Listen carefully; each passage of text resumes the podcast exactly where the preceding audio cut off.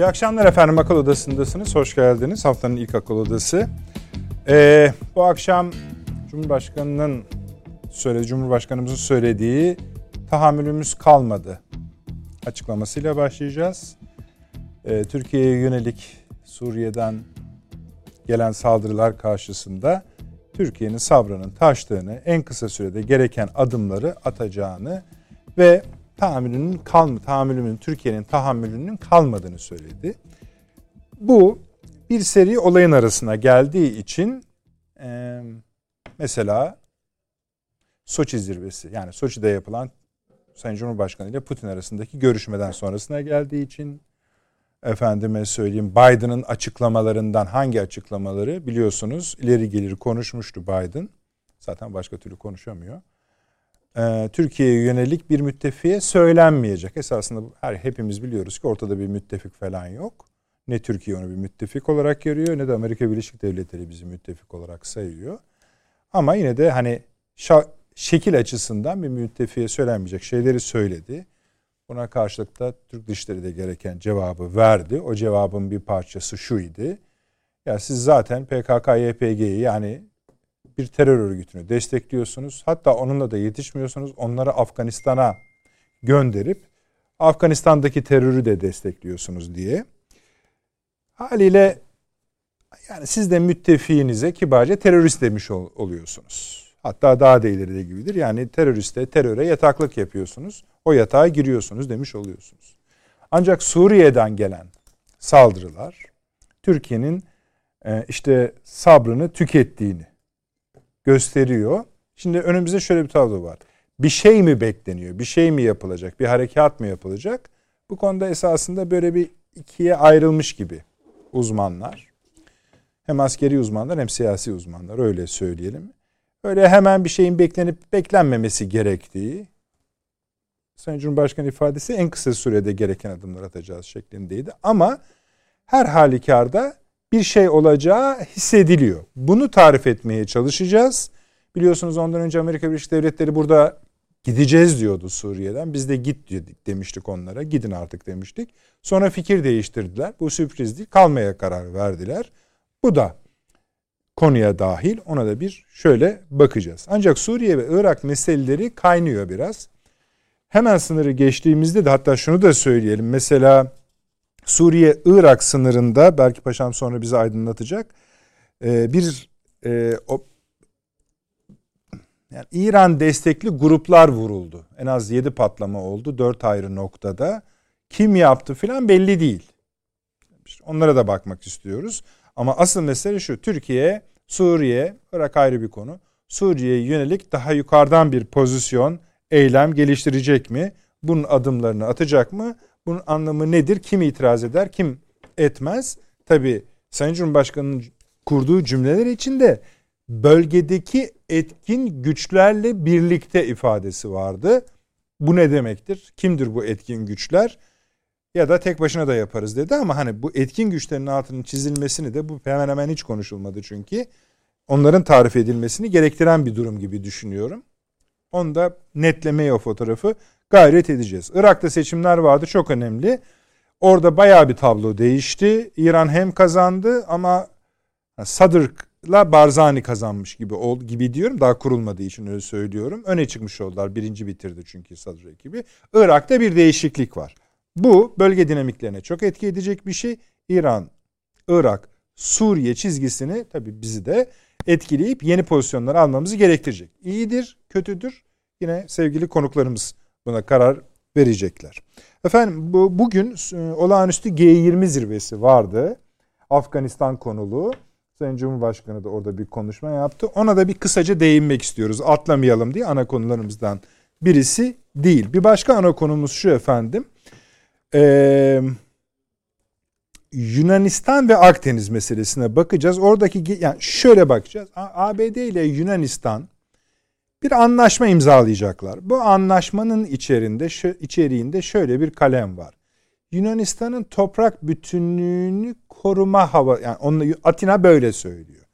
Şimdi adalar var, deniz var, başka sorunlar var. Yarın öbür gün Türkiye Yunanistan arasında ne olur bilinmeyiz. Bir başka ülkenin Yani tutup da Amerika Birleşik Devletleri'nin bu anlaşmanın yanında bir mektup vererek Atina onu bekliyor. Yani biz Yunanistan'ın sınır bütünlüğünün yanındayız. Kimsenin Yunanistan'ın sınır bütünlüğü ne baktığı yok da onlar başkasının sınırına geçmesin diye söylüyoruz. Bu tür işleri etkiler mi diye söylüyoruz. Böylece Fransa ile yaptığı anlaşmadan sonra Yunanistan'ın Amerika ile de bir anlaşma. Amerika ile yapılan anlaşmanın bir başka boyutu da vardı. Türkiye ile gerilim olduğu için Amerika ile arasında buradan bir Avrupa sınırının çevrelendiği, çekildiği, düzenlendiğine ilişkin sizlerle birçok program yapmıştık. Paylaşmıştık bu bilgileri biliyorsunuz, yorumları daha doğrusu. Şimdi bunu görmek istiyoruz. Mesela gazeteler aynı zamanda bir seri yani 15 adet F-15'inde savaş uçağının da Yunanistan'a geldiği bir tatbikat için geldi ama burada kalacağı yönünde yani Yunanistan'da kalacağı yönünde de haberler yapıyorlar. Böyle bir yeni dosyamız olmuş. Yani eski dosya başka şekle büründü. Bunu bir ele almamız gerekiyor. Ama uçaklardan konu açılmışken şunu da değerlendirmek arzusundayız. Türkiye biliyorsunuz bir seri F-16 almak ve hali hazırda kullandığımız F-16'ların modernizasyon içinde Amerika Birleşik Devletleri'ne resmi bir talepte bulundu. Bu biraz konuşuldu Türkiye'de. Yani televizyonlarda da yani yer açıran köşe yazarları, yorumcular da buna biraz değindiler. Fakat bizim aklımıza tam yatmadı bu iş. Yatmayan yerleri sizle paylaşmak arzusundayız. E, yatan yerleri de tabii. Onlara da konuklarımızı sonuçlarız. Neyse çok uzatmayayım ama şunu eklemek isterim efendim. 9 Kasım'da bunu Yunanistan kısmına da ekleyebilirsiniz. Bölge kısmına da hatta küre kısmına da. Yunanistan'da 9 Kasım'da bir toplantı zirve var. Bu zirveye Hindistan, İsrail, Suudi Arabistan, Güney Kıbrıs Rum kesimi ve Mısır katılacak. Şimdi bunu görmek istiyoruz burada ne olduğunu, ne olacağını. Bunu şimdiden not edelim ama bakalım ucunu görebiliyor muyuz diye de bu akşamdan itibaren tutmaya gayret edeceğiz efendim. Sayın Avni Özgürer burada Yeni Birlik Gazetesi yazarı. Avni abi hoş geldiniz. Hoş bulduk. İyi akşamlar. Profesör Doktor Süleyman Seyfi Hocam hoş geldiniz. Hoş Ticaret Üniversitesi öğretim üyesi. Doçent Doktor ve Emekli Tuğ General Sayın Fahri Erenel İstinye Üniversitesi öğretim üyesi. Paşam hoş geldiniz. Şeref verdiniz. Şöyle yapalım Avni abi. Sizle başlayalım. İlk önce hani şeyle başlayalım mı diye düşündüm de. Hani Irak'taki seçimlerle öyle yapmayalım bence. Direkt Suriye'den başlayalım. Olur. Bir, Sayın Cumhurbaşkanı bir terör vesilesiyle yani bir saldırı vesilesiyle bu konuşmayı yaptı ama bayağı hani politik tarifler de içerdiği için Suriye'ye bakışımızda bir adım beklentisine yol açtı. Siz de böyle düşünüyor musunuz? Hatta şöyle de diyebilirsiniz. O beklenti değil, geç kaldık da diyebilirsiniz. Onu bilemem. Amerika ile birlikte düşünürseniz buyurun. Yani özellikle bu Birleşmiş Milletler toplantısına gittiğinde Sayın Cumhurbaşkanımıza karşı Amerika'da e, gösterilen tavır arkasından New York'u söylüyorsunuz. Türkiye, evet New York'ta. Sonrasında e, Türkiye'ye gönderilen yani Türkiye ile ilgili başkanlık mektubu kongreye gönderilen oradaki düş yani bu aslında düşmanlık mektubu. Türkiye'ye Türkiye bizim düşmanızdır. Biz de Türkiye'ye düşmanız. Böyle düşman müttefik filan gibi bir durum var yani. Ya biz bu konuda anlaşmadık mı akıl odası azaları olarak? Evet yani. Yani genel olarak şey, mutabıkız herhalde evet, değil mi? Tabii. Yani Türk-Amerikan kadim dostluğu hakkında kesin bir kararımız var. Evet. Buyurun. Ee, yani e, kayıtlarda hani müttefik diye geçtiği için her neyse bu mektup e, yani biliyorsunuz Johnson mektubu Türkiye Cumhuriyeti hükümetine gönderilmişti. Benzer içerikte bir mektup Biden mektubu evet. Amerikan Kongresi'ne bilgi için gönderildi. Aynı, zamanda açıklandığı için de bu bize de bir şeydir. Husumet mektubudur. Dolayısıyla e, bunun hemen akabinde e, o kadar e, işte kanlandılar ki e, veya heveslendiler ki Türkiye'ye dönük, e, Türk askerine dönük e, saldırıları saldırılarda bir şey e, cesaret buldular. Ve şehitlerimiz tekrardan başladı. Bir ara ara verdilerdi. Tekrar başladı. Bu tabi bizi e, yani şehit sayısının azlığı çokluğuna bakacak değiliz tabii sayacak değiliz. Tek bir şehidimiz dahi bizim için aynı evet, manaya geliyor elbette. Ama nelerin de olabileceğinin işaretleri de o mektupta şurada burada görünüyordu zaten. Yani e, Putin'le yapılan görüşmede de e, çok arzu edilen e, bir tablo, bir fotoğraf ortada e, yok idi. Bütün bunlara baktığımızda yani en azından taraf olmuyor idi Rusya. Yani Amerika ile bizi böyle bir köşeye sıkıştırıyor. Ayrıyeten bir de e, üstünden atıyordu. Bu Suriye güç, ordusuna, Şam yönetimine emanet ediyor idi. E ne yapalım yani o da kendi topraklarını korumak zorunda. Sen de zaten saldırgansın havasında bir efendim izin almadan geldim biliyorsun sen bu topraklara filan gibilerden. Böylesi havalar oralarda işlendi. Ee, beri tarafta Amerika e, resme resmi ifadesi şu. E, bu Suriye'de e, kazanılan PYD'nin kazandığı topraklarda veya kontrol ettiği topraklarda e, bir özerk yönetim kurmaya ve bu yönetimi devlete dönüştürmeye Amerika Birleşik Devletleri'nin kararlı olduğu ifade ediliyor. Bunun e, PYD'nin sadece kendisi değil, hem PYD hem de onun dışındaki üç grup var.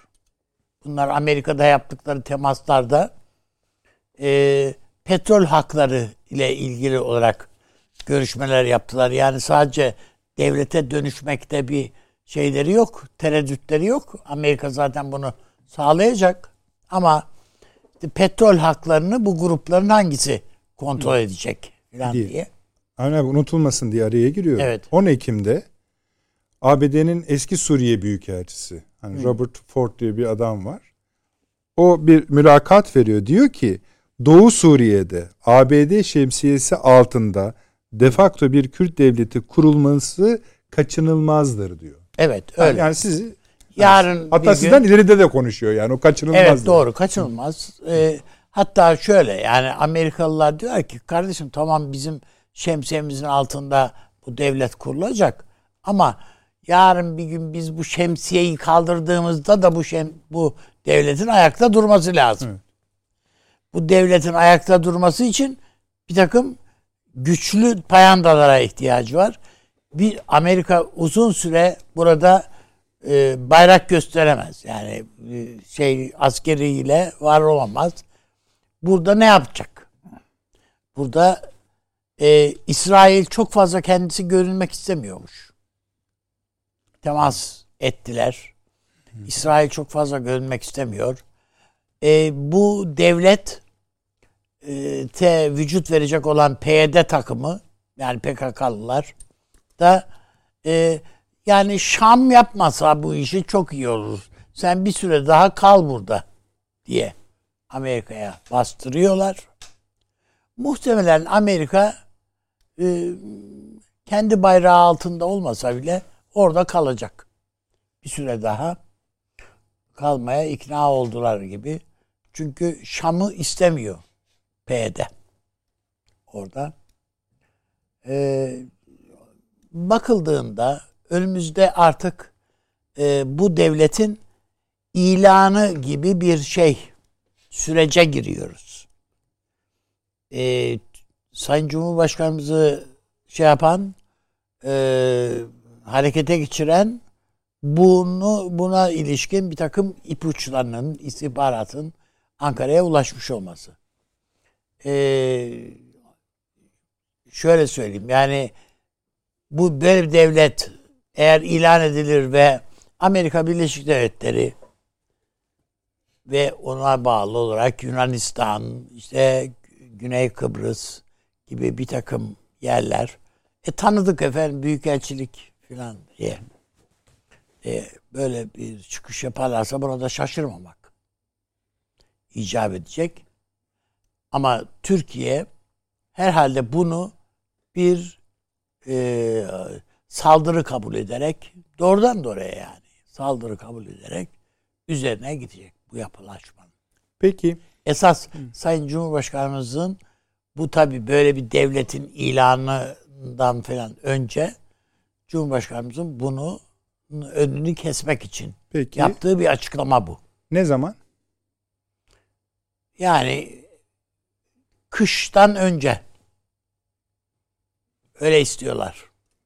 Kar kıştan düşmeden. Önce, kıştan önceye bir şey kalmadı. E öyle tabii canım. Yani. Peki bir şey daha sorayım. Ee, Cumhurbaşkanı en kısa sürede bu sorunların çözümü için gereken adımları atacağız dedi ama şöyle de dedi ya. Hmm. Tehditleri ya oralarda etkin olan güçlerle birlikte ya da kendi imkanlarımızla bertaraf etmekte kararlıyız dedi. Etkin güçler kim? Kimi kastediyor? Yani orada e, Heyet Tahrir Şam mesela onun bir, bir takım güçleri var. E, bunların içerisinde Türkiye'ye son derece yakın duran gruplar var. Yani Türkiye yani siz orada bir terör örgütüyle Amerika Birleşik Devletleri gibi bir yapı orada bundan iş tutacaksa değil mi yani? E, Türkiye'nin de pekala orada sen istediğin kadar onları e, silahlı unsurlar işte terör terör grupları falan de ki bu insanların önemli bir kısmının da terörle falan bir alakası yok. Yani Rusya'ya bile Türkiye biliyorsunuz hangisi terörist bunların bir işaret edin dedi ve Ruslar gösteremediler yani şu grubu kastediyoruz diye. Ee, mesela etkili güçler hangileri diye sorduğumda neden onunla bu örgütler aklınıza geliyor da ülkeler aklınıza gelmiyor? Yok Rusya aklımıza geliyor. Yani Ruslarla birlikte olabilir mi demek? Hayır olmaz. Yani Ruslar çünkü bu bu gruplarla sadece temastalar. Yani bunlara dahil değiller. Hı hı. Rusların orada sadece bize herhangi bir faydası olmayacak ama o paralı askerler olarak tarif edebileceğimiz hı hı. yani Rusya tarafından finanse edilen, yönlendirilen ama e, Rus ordusuna dahil olmayan bu biliyorsunuz Libya'da var Rusya'nın bu tür e, irtibatlı kuvvetleri. Onlar var. Ama onlarla Türkiye'nin bir doğrudan bir ilişkisi söz konusu değil. Türkiye'nin kendisinin yalnız böylece e, kazanım halinde ortaya koyduğu güçler var orada. Peki Soçi zirvesinde bu konuşulmuş olabilir mi? Konuşulmuştur. Yani bir karara varıldığını mı düşünüyorsun? Yani mutabakata varıldığını mı düşünüyorsun? Ben bir mutabakatın olmadığı kanaatindeyim orada. Hmm. Soçi'de. Yani bu operasyon olası harekat. Yani konusunda. Rusya esasında diyor ki bu, bu konuda bize söz vermiştiniz. Burada bu, bunları kaldırın orada. Diyor. Türkiye ise bunların içerisinde evet şiddete eğilimli unsurlar var. Teröre eğilimli unsurlar var. Onları ayıklayabiliriz. Bunları da bunları ayıklamakta birlikte de hareket edebiliriz. İşbirliği de yapabiliriz. Ama bunların hepsini terörist diye damgalayıp hepsinin üstüne bomba yağdırmak bunda yokuz diyor. Ankara'nın tavrı bu. Peki. Um, bir iki şey daha ekleyeyim Süleyman Hocam size Hı. geçerken. Bunlardan bir tanesi açılışta söylediğim yani şimdi bir genel giriş yapmış gibi olduk Suriye ve harekat meselesine. Bu Irak-Suriye sınırındaki İran destekli güçlerin SİHA'lar tarafından vurulması meselesi. Bunu kimin yaptığını bilmiyoruz. İkincisi de bugün gazetelere yansıdı. Gazetelere derken sadece bir gazetede vardı. İdlib'de rejim ve destekçisi İran milislerinin kimyasal silah yaptığına ilişkin ve bunları kullanıp sonuçlarını da Türkiye'nin üzerine atacağına ilişkin haberlerin ortaya çıkmış olması. Bunu da listeye ekleyerek siz harekat konusunda ne düşünüyorsunuz diye sorayım. Valla şimdi şöyle e, benim görebildiğim kadarıyla Amerika Birleşik Devletleri'nde PKK konusunda en küçük bir geri adım e, sinyali almıyoruz. Bir kararlılık vurgulanıyor. Ve sonuna kadar oradaki PKK'nın yanında yer alacaklarına dair bir güvence kendilerine verildi çıkacaktık dediler ama yok şimdi çıkmayacağız bir sene daha kalacağız Bakalım diyorlar. Dediler. Şimdi bu şu demek yani niye kalıyor? Şimdi bakalım. Bunun bir tek sebebi var. Türkiye'ye karşı e, oradaki PKK Türkiye'de ilk defa korumak. Yani çık git buradan demiş.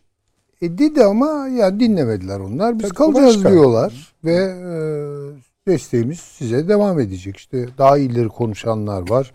Burada size özel bir devlet kurduracağız vesaire gibi. Ee, şimdi bu bir hesaplaşmaya gidecek tabii ki. Yani e, özellikle bu son şehit haberleri vesaire Türkiye'nin e, bu konuda adım atmasını e, hızlandıracak ve hayata geçirecek hazırlayıcılar olarak değerlendirilebilir. Şimdi benim anlayamadığım şey şu ama bu işte. Yani Türkiye bir operasyon daha yapabilir. Diyelim ki Tel Rıfat'ı hatta belki Münbiç'i de kontrol eder hale gelebilir. Paşam anlatacak nasıl olur. onlar nasıl yani yapılabilir. E ne olacak yani bir takım unsurlar biraz daha aşağıya çekilecekler. Ya biz gene bunlarla bir yerlerde sınırdaş olmaya devam edeceğiz. Ve biz derinlik kazandıkça bu operasyonlar bunun maliyetleri, getirileri, Türkiye'ye kazandıracakları veya kaybedecek, kaybettirecekleri üzerinde de yeni muhasebeler, muhasebeleştirmeler yapmak zorunda kalabileceğiz. Bunu da herhalde devletimizin ileri gelenleri hesaplıyordur. Ee, bu hareketin yani oradaki Amerikan destekli, İsrail destekli Kürt hareketinin şöyle bir açmazı var. Tutun ki muvaffak oldular ve bu yapı çıktı ortaya. Bunu kim ayakta tutacak? Demin Üstad'ın dediği gibi. Yani Amerikalılar ila nihaya mı kalacaklar orada? Ya da İsrail çok sahneye çıkmak istemiyormuş. Sahneye mi çıkacak? bunlar için. Ee, bence bunun hesabı ve pazarlıkları yapılıyor. Şimdi Türkiye'nin dairesinin dışında süren hesaplaşma e, veya... Bu son derece doğru hocam söylediğiniz. Evet. Yani e, hatta Sayın Cumhurbaşkanı'na Soçi'de soruluyor. Ya, ya Amerikan güçleriyle karşı karşıya gelirseniz sıcak bir şey doğa olursa ne olur diye Cumhurbaşkanı orada e, olursa olur. Yapacak bir şey yok. Orada bulunuyorlarsa bunun şeyi neyse onu yapılır.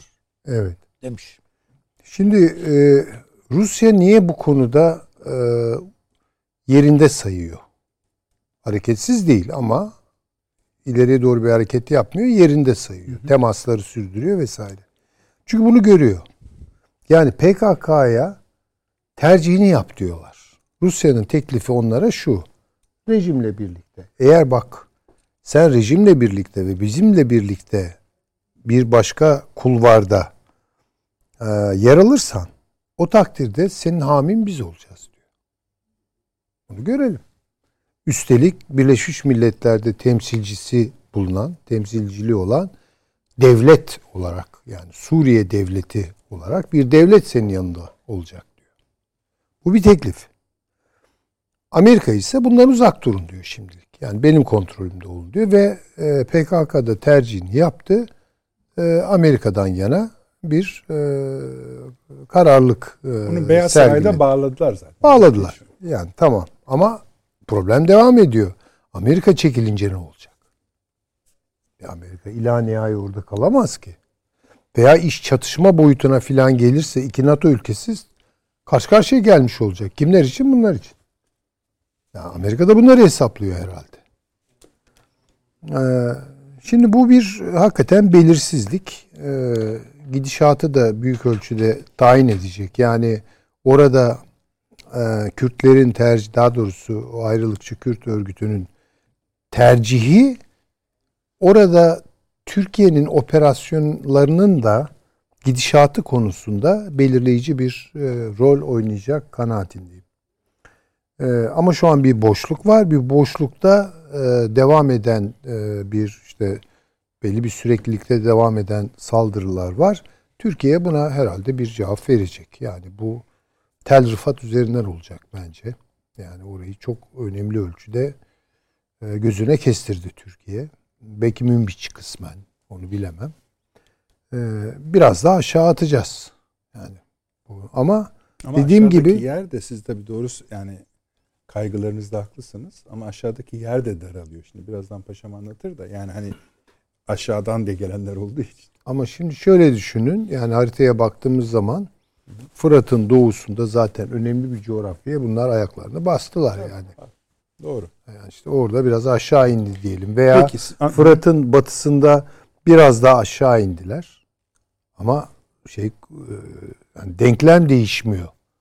Anlatabiliyor muyum? Yani Türkiye'nin bu açıdan bence e, hep söylüyor üstadımız ben de katılıyorum bir teklif getirmesi lazım bu meseleyle ilgili.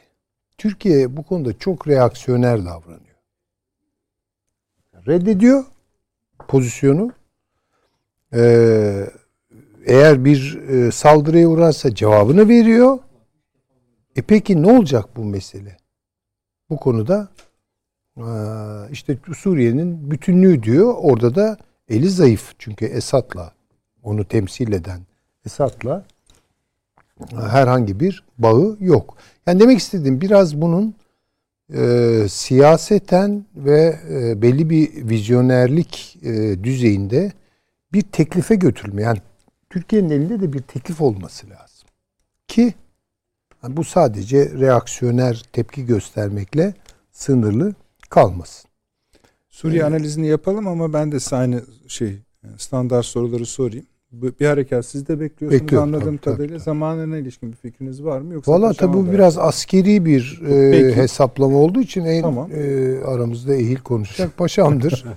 e, ben çok bir şey söyleyeyim ama zor kış, kış şartlarında herhalde zorlaşıyor bu işler değil Peki, mi paşam yani? Etkin güçler ifadesinden ne anlıyorsun? Ben orada Suriye Milli Ordusu'nu anlıyorum en başta. Hı hı. E, ikinci olarak da işte belki e, ona mücavir Suriye Milli Ordusu içinde direkt yer almasa bile hı hı. mücavir bir takım grupları kastettiğini düşünüyorum. İran'a yönelik bölgede gelişen olaylar hakkında ne düşünüyorsunuz? Ee, yani tabii şimdi onun faili e, ortaya çık. Hani bir çık. farklılık var. Ama işte zaten biz bu programda e, aşağı yukarı bir aydır falan konuşuyoruz. Tırmanan bir Türkiye-İran gerilimi var. Hı hı hı. Yani. Daha açık sorayım. Bu olaylarda olan şüpheli olarak Türkiye'yi mi görüyorsun?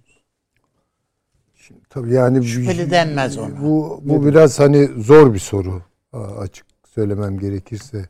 Yani kendi e, bilgilerin... öyle olmasında bir beis yok da yani öyle mi? Yani eğer Yoksa öyleyse başka... e, bilmiyorum ya buna çok şaşıracağımı söyleyemem. E tamam işte o. Yani Bak olanmış o, abi. Şaşırmayız e, tamam, diyor. Yani tabii ki şaşırmıyorum çünkü o unsurlar hakikaten bilemiyoruz ki ne Doğru. yaptılar yani. Yani tabii esasında ee, hani gereği bu sınırdaki onu. vuruşu bilmiyorum paşam izleyebildi mi takip edebildi mi o haberi ama aynı zamanda bu haberin kimyasal haberinin gelmiş olması hani ilginç bir ee, şey bu. Yani iş oralara gelirse tabii çok e, onlar da kontrol edemez söyleyeyim yani. Yani Türkiye orada kimyasal silah kullanıyor filan diye İftira bir iftira atma operasyonu yani diyorlar. ondan sonrası e, iyice kontrolden çıkar yani. O kadar kolay değil o iş yani. Onu çok sürdürebileceklerini ben doğrusu zannetmiyorum. Peki. Hele Irak'ta seçimleri tamamen kaybettikten sonra İran Tamamen. Şimdi geleceğiz hemen ona. Çünkü parçası o. %50'lik kısmı da o. Süleyman Hocam. Evet yani. Teşekkür ederim. Paşam buyurun. Ee, yani öncelikle tabii sondan başlayayım. Yani Buyurun, bu buyurun. İran'a yönelik saldırıda e, e, Türkiye olabilir mi? E, bence Türkiye'den ziyade e, İran Irak'ta e, Irak'taki seçim sonuçlarını da dikkate alarak bu e, PKK tarafından e, gerçekleştirilmiş bir provokasyon olabilir veya e, İran grupların vurulması meselesini Evet, gölge milisler tabir edilen e, özellikle Haçlı Şabi'ye tam bağlı olmamakla birlikte İran kuzeyinde hareket eden gruplar var. Hatırlayalım bu gruplar hem peşmergelere karşı da saldırıda bulunmuştu. Bir de bizim Musul'un kuzeyinde bulunan Başika üssümüze İran yapımı bir silahla saldırıda bulunmuşlardı ve burada bir askerimiz şehit olmuştu. E, bu açıdan baktığımızda bu gölge milislerin İran kuzeyinde faaliyetlerin arttığı hep raporlanıyor. Ve e, bunlar aynı zamanda hem e, Irak bölgesel Kürt yönetimine karşı hem de Türk Silahlı Kuvvetlerine karşı mücadele veriyorlar ve bunlar İran tarafından e, açık bir şekilde destekleniyor. Aynı zamanda Haçlı Şabi ile de yakın işbirlikleri var. sihalar lafını nasıl toparlayacağız? E, onlar tarafından da İHA SİHA üre haş şey de biliyorsun DAEŞ'in elinde nasıl üretildiğini hepsinin elinde var. E, dolayısıyla İHA SİHA üretmek Yani haber şöyle servis edildi paşam. Suriye'de Irak sınırına yakın Hı hı. vesaire ilçesinde Beşar Esad rejimi saflarında yer alan İran destekli terörist gruplara ait 3 askeri noktaya hava saldırısı düzenlendi. SİHA'larla yapılan saldırılar sonrası 7 patlama sesi duyuldu diye veriliyor. Yine de tabii bu haberler değişebilir. Ama E, ilk formu tabii- budur. Ama o bölgenin kontrolü büyük oranda Amerika'da. Yani özellikle 7-8 tane üssü var o bölgede. Amerika'nın e, buradaki hava savunma sistemi ve diğer sistemleri görmeden oradan e, tabiri caizse kuş uçmaz demeyelim uçabiliyor. Aramco tesisinde olduğu gibi. E, dolayısıyla böyle çünkü dronlar ve İHA'lar olunca vurmuş olabilir. Amerikalılar vurmuş olabilir. Yani öncelikle e, bu Sakıncası da e, var mı Avni Bey? Hayır yok.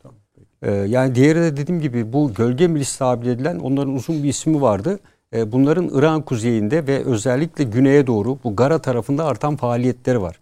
Ee, bunların dediğim gibi İran tarafından desteklendiğini biliyoruz. E, diğer taraftan kimyasal e, madde üretim bu da kolay e, bir üretim. Yani e, bugüne kadar Esad'ın 15 kez e, yaptığı saldırıyı 15'i raporlanmış durumda. Hiçbir zaman ses çıkartmadı. E, Birleşmiş şey, Rusya ile ve Çin. E, bundan sonraki bir saldırıda da Türkiye'nin böyle bir şeyi bugüne kadar kullanmış en ufacık bir sicili yok. E, ve e, bunu kullanmayacağını da zaten biliyorlar e, Türkiye'nin. E, dolayısıyla bunun e, herhangi bir şekilde Türkiye etkisinin harekat durdurma veya diğer açılardan bir olumsuz Kimyasal etkisi. şeyi söylüyorsunuz Evet değil evet mi? kimyasal. O, o da şöyle yani hani rapor şöyle bir şey anlatıyor. İdlib, İdlib'de İran tarafından desteklenen gruplar bir kimyasal silah oluşturuyorlar. Oluşturacaklar. Bunu kullanacaklar. Bunu kullanan olarak da Türkiye'ye yani rapor bunu söylüyor. Ama üretmelerine gerek yok. Yani İran'ın elinde zaten var bunlar. Yani yok dese de İran doğrudan doğruya bunları verebilir. Ee, ve e, bunların o kadar e, çaba harcamalarına gerek yok. Yani kimyasal silah bugün terör örgütleri üzerinden de e, tedarik edilebiliyor. E, buna Esasında karşı bunları bölgedeki hareketliliğin parçaları olarak söylüyoruz. ki İşte hararet işte şöyle ama e, diyorum. Bu buna inanacak olan e, Rusya veya Çin veya Amerika Birleşik Devletleri Güvenlik Konseyi'nden bir araya gelip Türkiye için bir kınama kararı çıkarabilirler. Yani daha bir sonuç alınmadan. Türkiye'yi bunun amacı nedir? Uluslararası kamuoyunda tamamen e, olumsuz bir tutumla ortaya koymak ve işte sivil halka ve diğerlerine Sa- Esad'a diyorduk ama Türkiye'nin de bir fark kalmadı dedirtebilmek ve baskı altına almak için ve Arap Birliği dahil bütün herkesin mücadelesi Türkiye'yi buradan çıkarabilmek için e, temel olarak bunların söylendiğini görüyoruz. E, diğer taraftan e, tabii şu anda esas konu şu.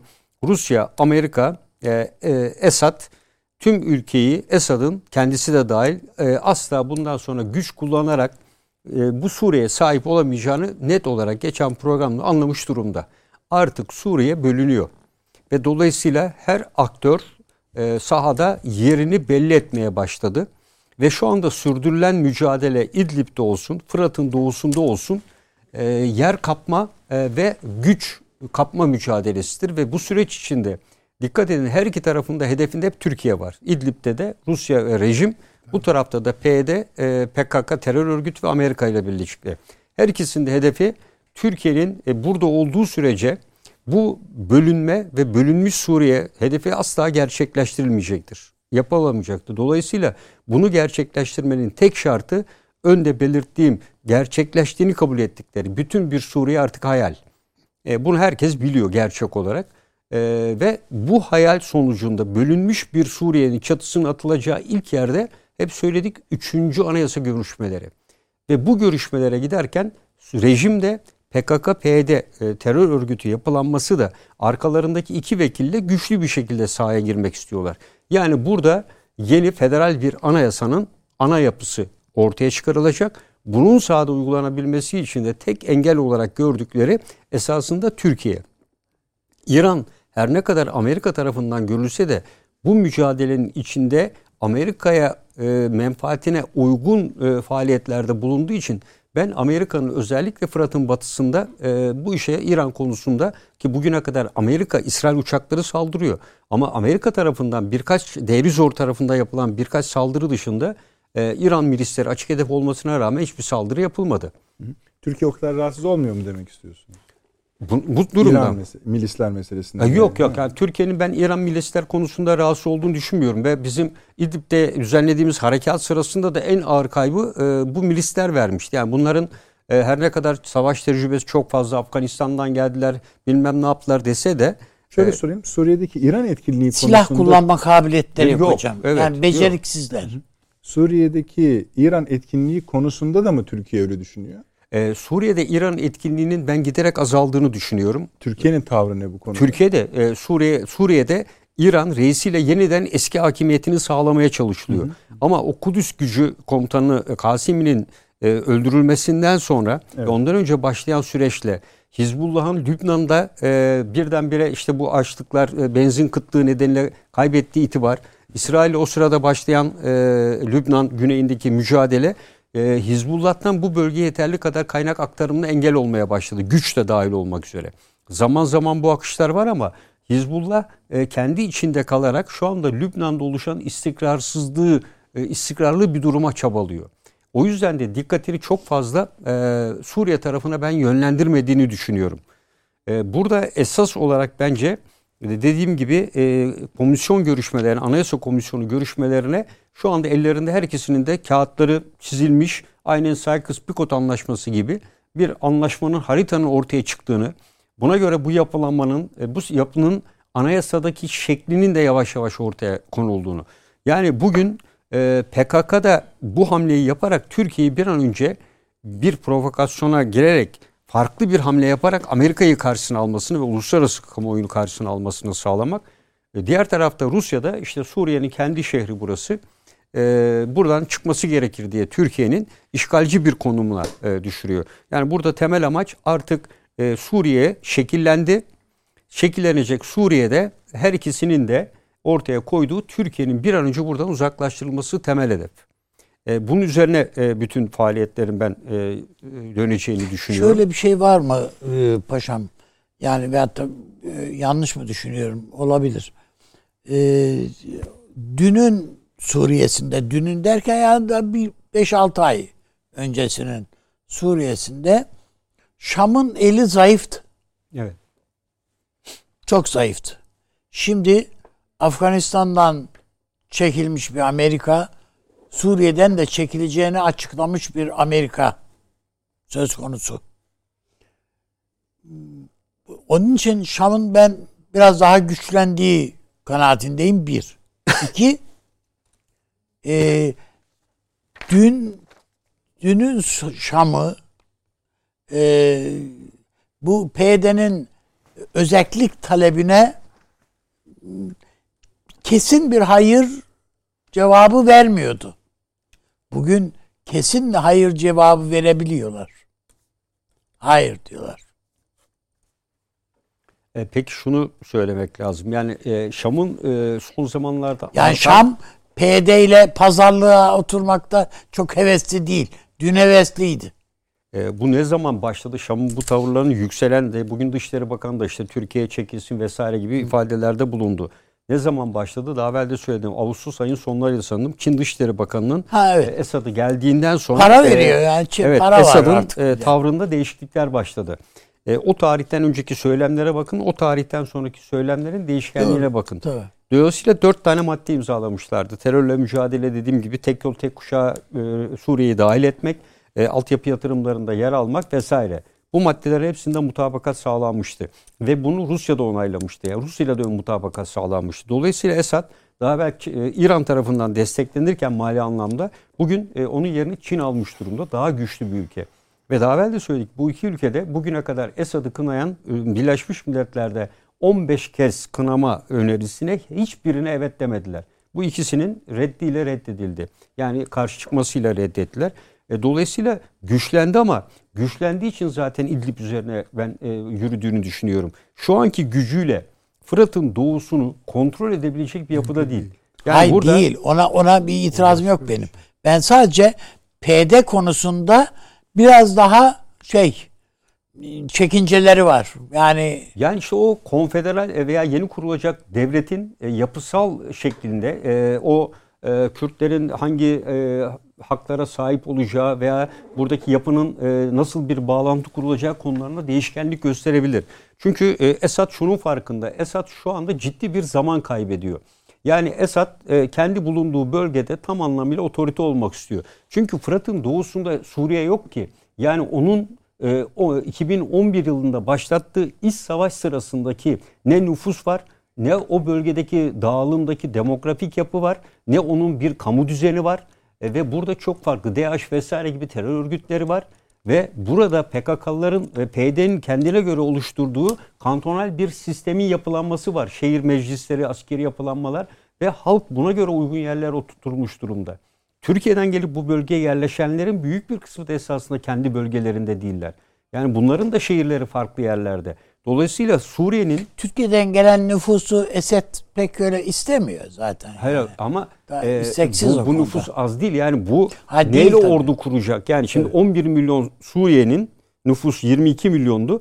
Bunun önemli bir kısmı işte 11 milyondu. Bunun önemli bir kısmı yurt dışına gitti. 6,5 e, bir birkaç milyon da e, Suriye içinde yer değiştirdi zaten.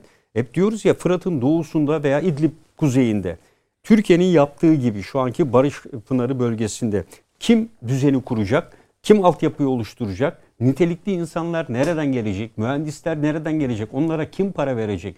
Yani bu saatten sonra Fırat'ın doğusu bölgesinin ben Esat için cazibe merkezi olduğunu asla düşünmüyorum. O Fırat'ın tamam. batısında... Yani gözden çıkardı mı diyorsun? Bence gözden çıkarttı. Gözden çıkarttı. Yani e, Tabii. şu anda oradaki petrolden elde ettiği o gravitisi yüzde bilmem kaç olandan elde ettiğinin kat be katını Çin veriyor zaten kendisine. E, Dara var evet. zaten yani. Evet evet. O, o Derdi şimdi Türkiye'den su gitmiyor paşam. Ya Günlük evet, yani. işte 500 Süleyman Hocam, e, yarım milyon dediniz ya bu bölünme işi yok vermiyor sizin konuşmanız Türkiye. içinde. Veremiyor. O ne yok? E, özür dilerim anlayamadım. Yani, paşam diyor ya bu bölünüyor artık yani. Bölünüyor. Ee, siz de demiştiniz ki hani bir şey Türkiye'nin yani siyaseten artık bir onu ne nasıl bir çerçeveye oturtacak Türkiye istihbarat destekli bir teklif evet. olması lazım. Hı hı. Onu bilemem ama bu konuda bir boşluk olduğunu görüyorum, görebiliyorum. Yani Türkiye'de diyecek ki ya ben bir bölge ülkesiyim ve e, Suriye'nin geleceğindeki e, işte bir değişim olacaksa eğer üniter devletten çıkıp işte şuraya evrilecekse veya üniter devlet kalması gerekir cihetinde doğrultusunda olabilir. Ama mutlaka bir şey söyleme. Yani şu yetmez. Suriye'nin toprak bütünlüğü korunmalı üniter devlet yapılması korunmalı. İşte konjonktür buyken diyorsunuz. Yani tabii bunu eğer Türkiye bunu mesela şeyi savunuyor bile, hocam bu heyet Tahrir Şam'ın devlet olma hakkını savunuyor. İşte, tamam yani, o zaman yani bir kim? Türkiye. Onu Amerika da savunuyor. Heyet Şam bir numaralı evet. oyuncağı yani. Evet. Heyet Şam'la olan ilişkileri evet. var raporlarında çok ilginç zaten Amerika'nın. Evet. Hı hı. Tamam. Yani bir e, vizyon üzerinden onu e, Türkiye'nin teklif etmesi lazım. Yani uluslararası kamuoyunun karşısına, uluslararası kurumların karşısına bu da Türkiye'nin teklifidir gibi bir şey koymamız gerekiyor. Bu, bunu bilemem. Ha, bu belki çalışılıyor. Çalışıldı, hazır tutuluyor, yedek tutuluyor. Zamanlaması e, başka türlü olabilir. Onu bilmiyorum ama şimdilik böyle bir boşluk olduğunu e, görüyorum. Fırat'ın doğusu hikayesi tamamen katılıyorum hem üstadıma hem paşama. e, artık e, kapasitesinin çok dışında. Ve orası çok riskli bizim için. Yani orada basmaya yani hangi haritaya atsanız fiili durumu gösteren sarı bir renk çıkıyor orada. Yani artık bu gözler de alıştırılıyor buna. Şimdi bütün mesele o e, üçüncü anayasa görüşmelerinde Türkiye'de olacak herhalde yani. Tabii Türk, zaten. e, tamam. var. Bir şey söylenecek orada. Yani bu olmasın, bu olmasın, bu olmasın. Sürekli ne- negasyon şey yaparak, olumsuzlama yaparak bir yere de gidilmez tabii Hocam, ki. Masa ister müzakere olsun ister yeni bir tasarım masası olsun.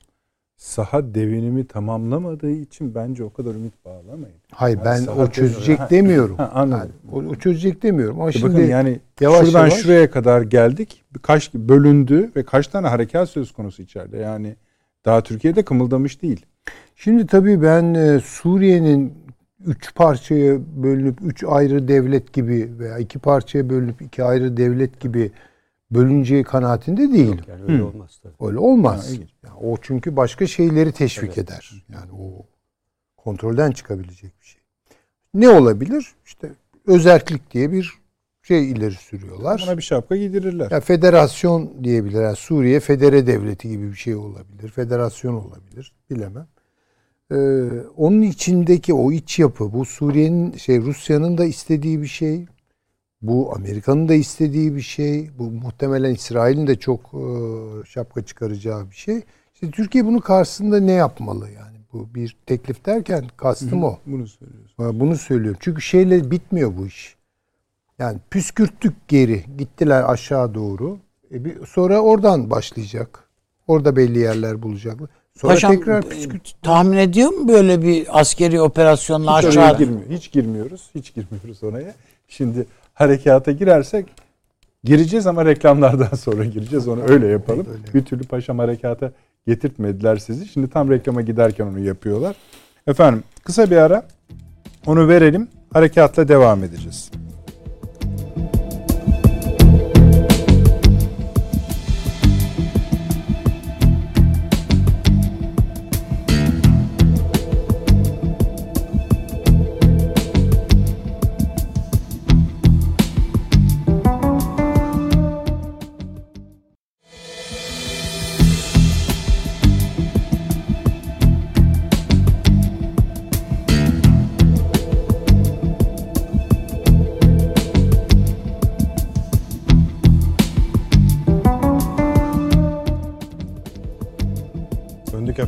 Odası devam ediyor ve geldik harekata.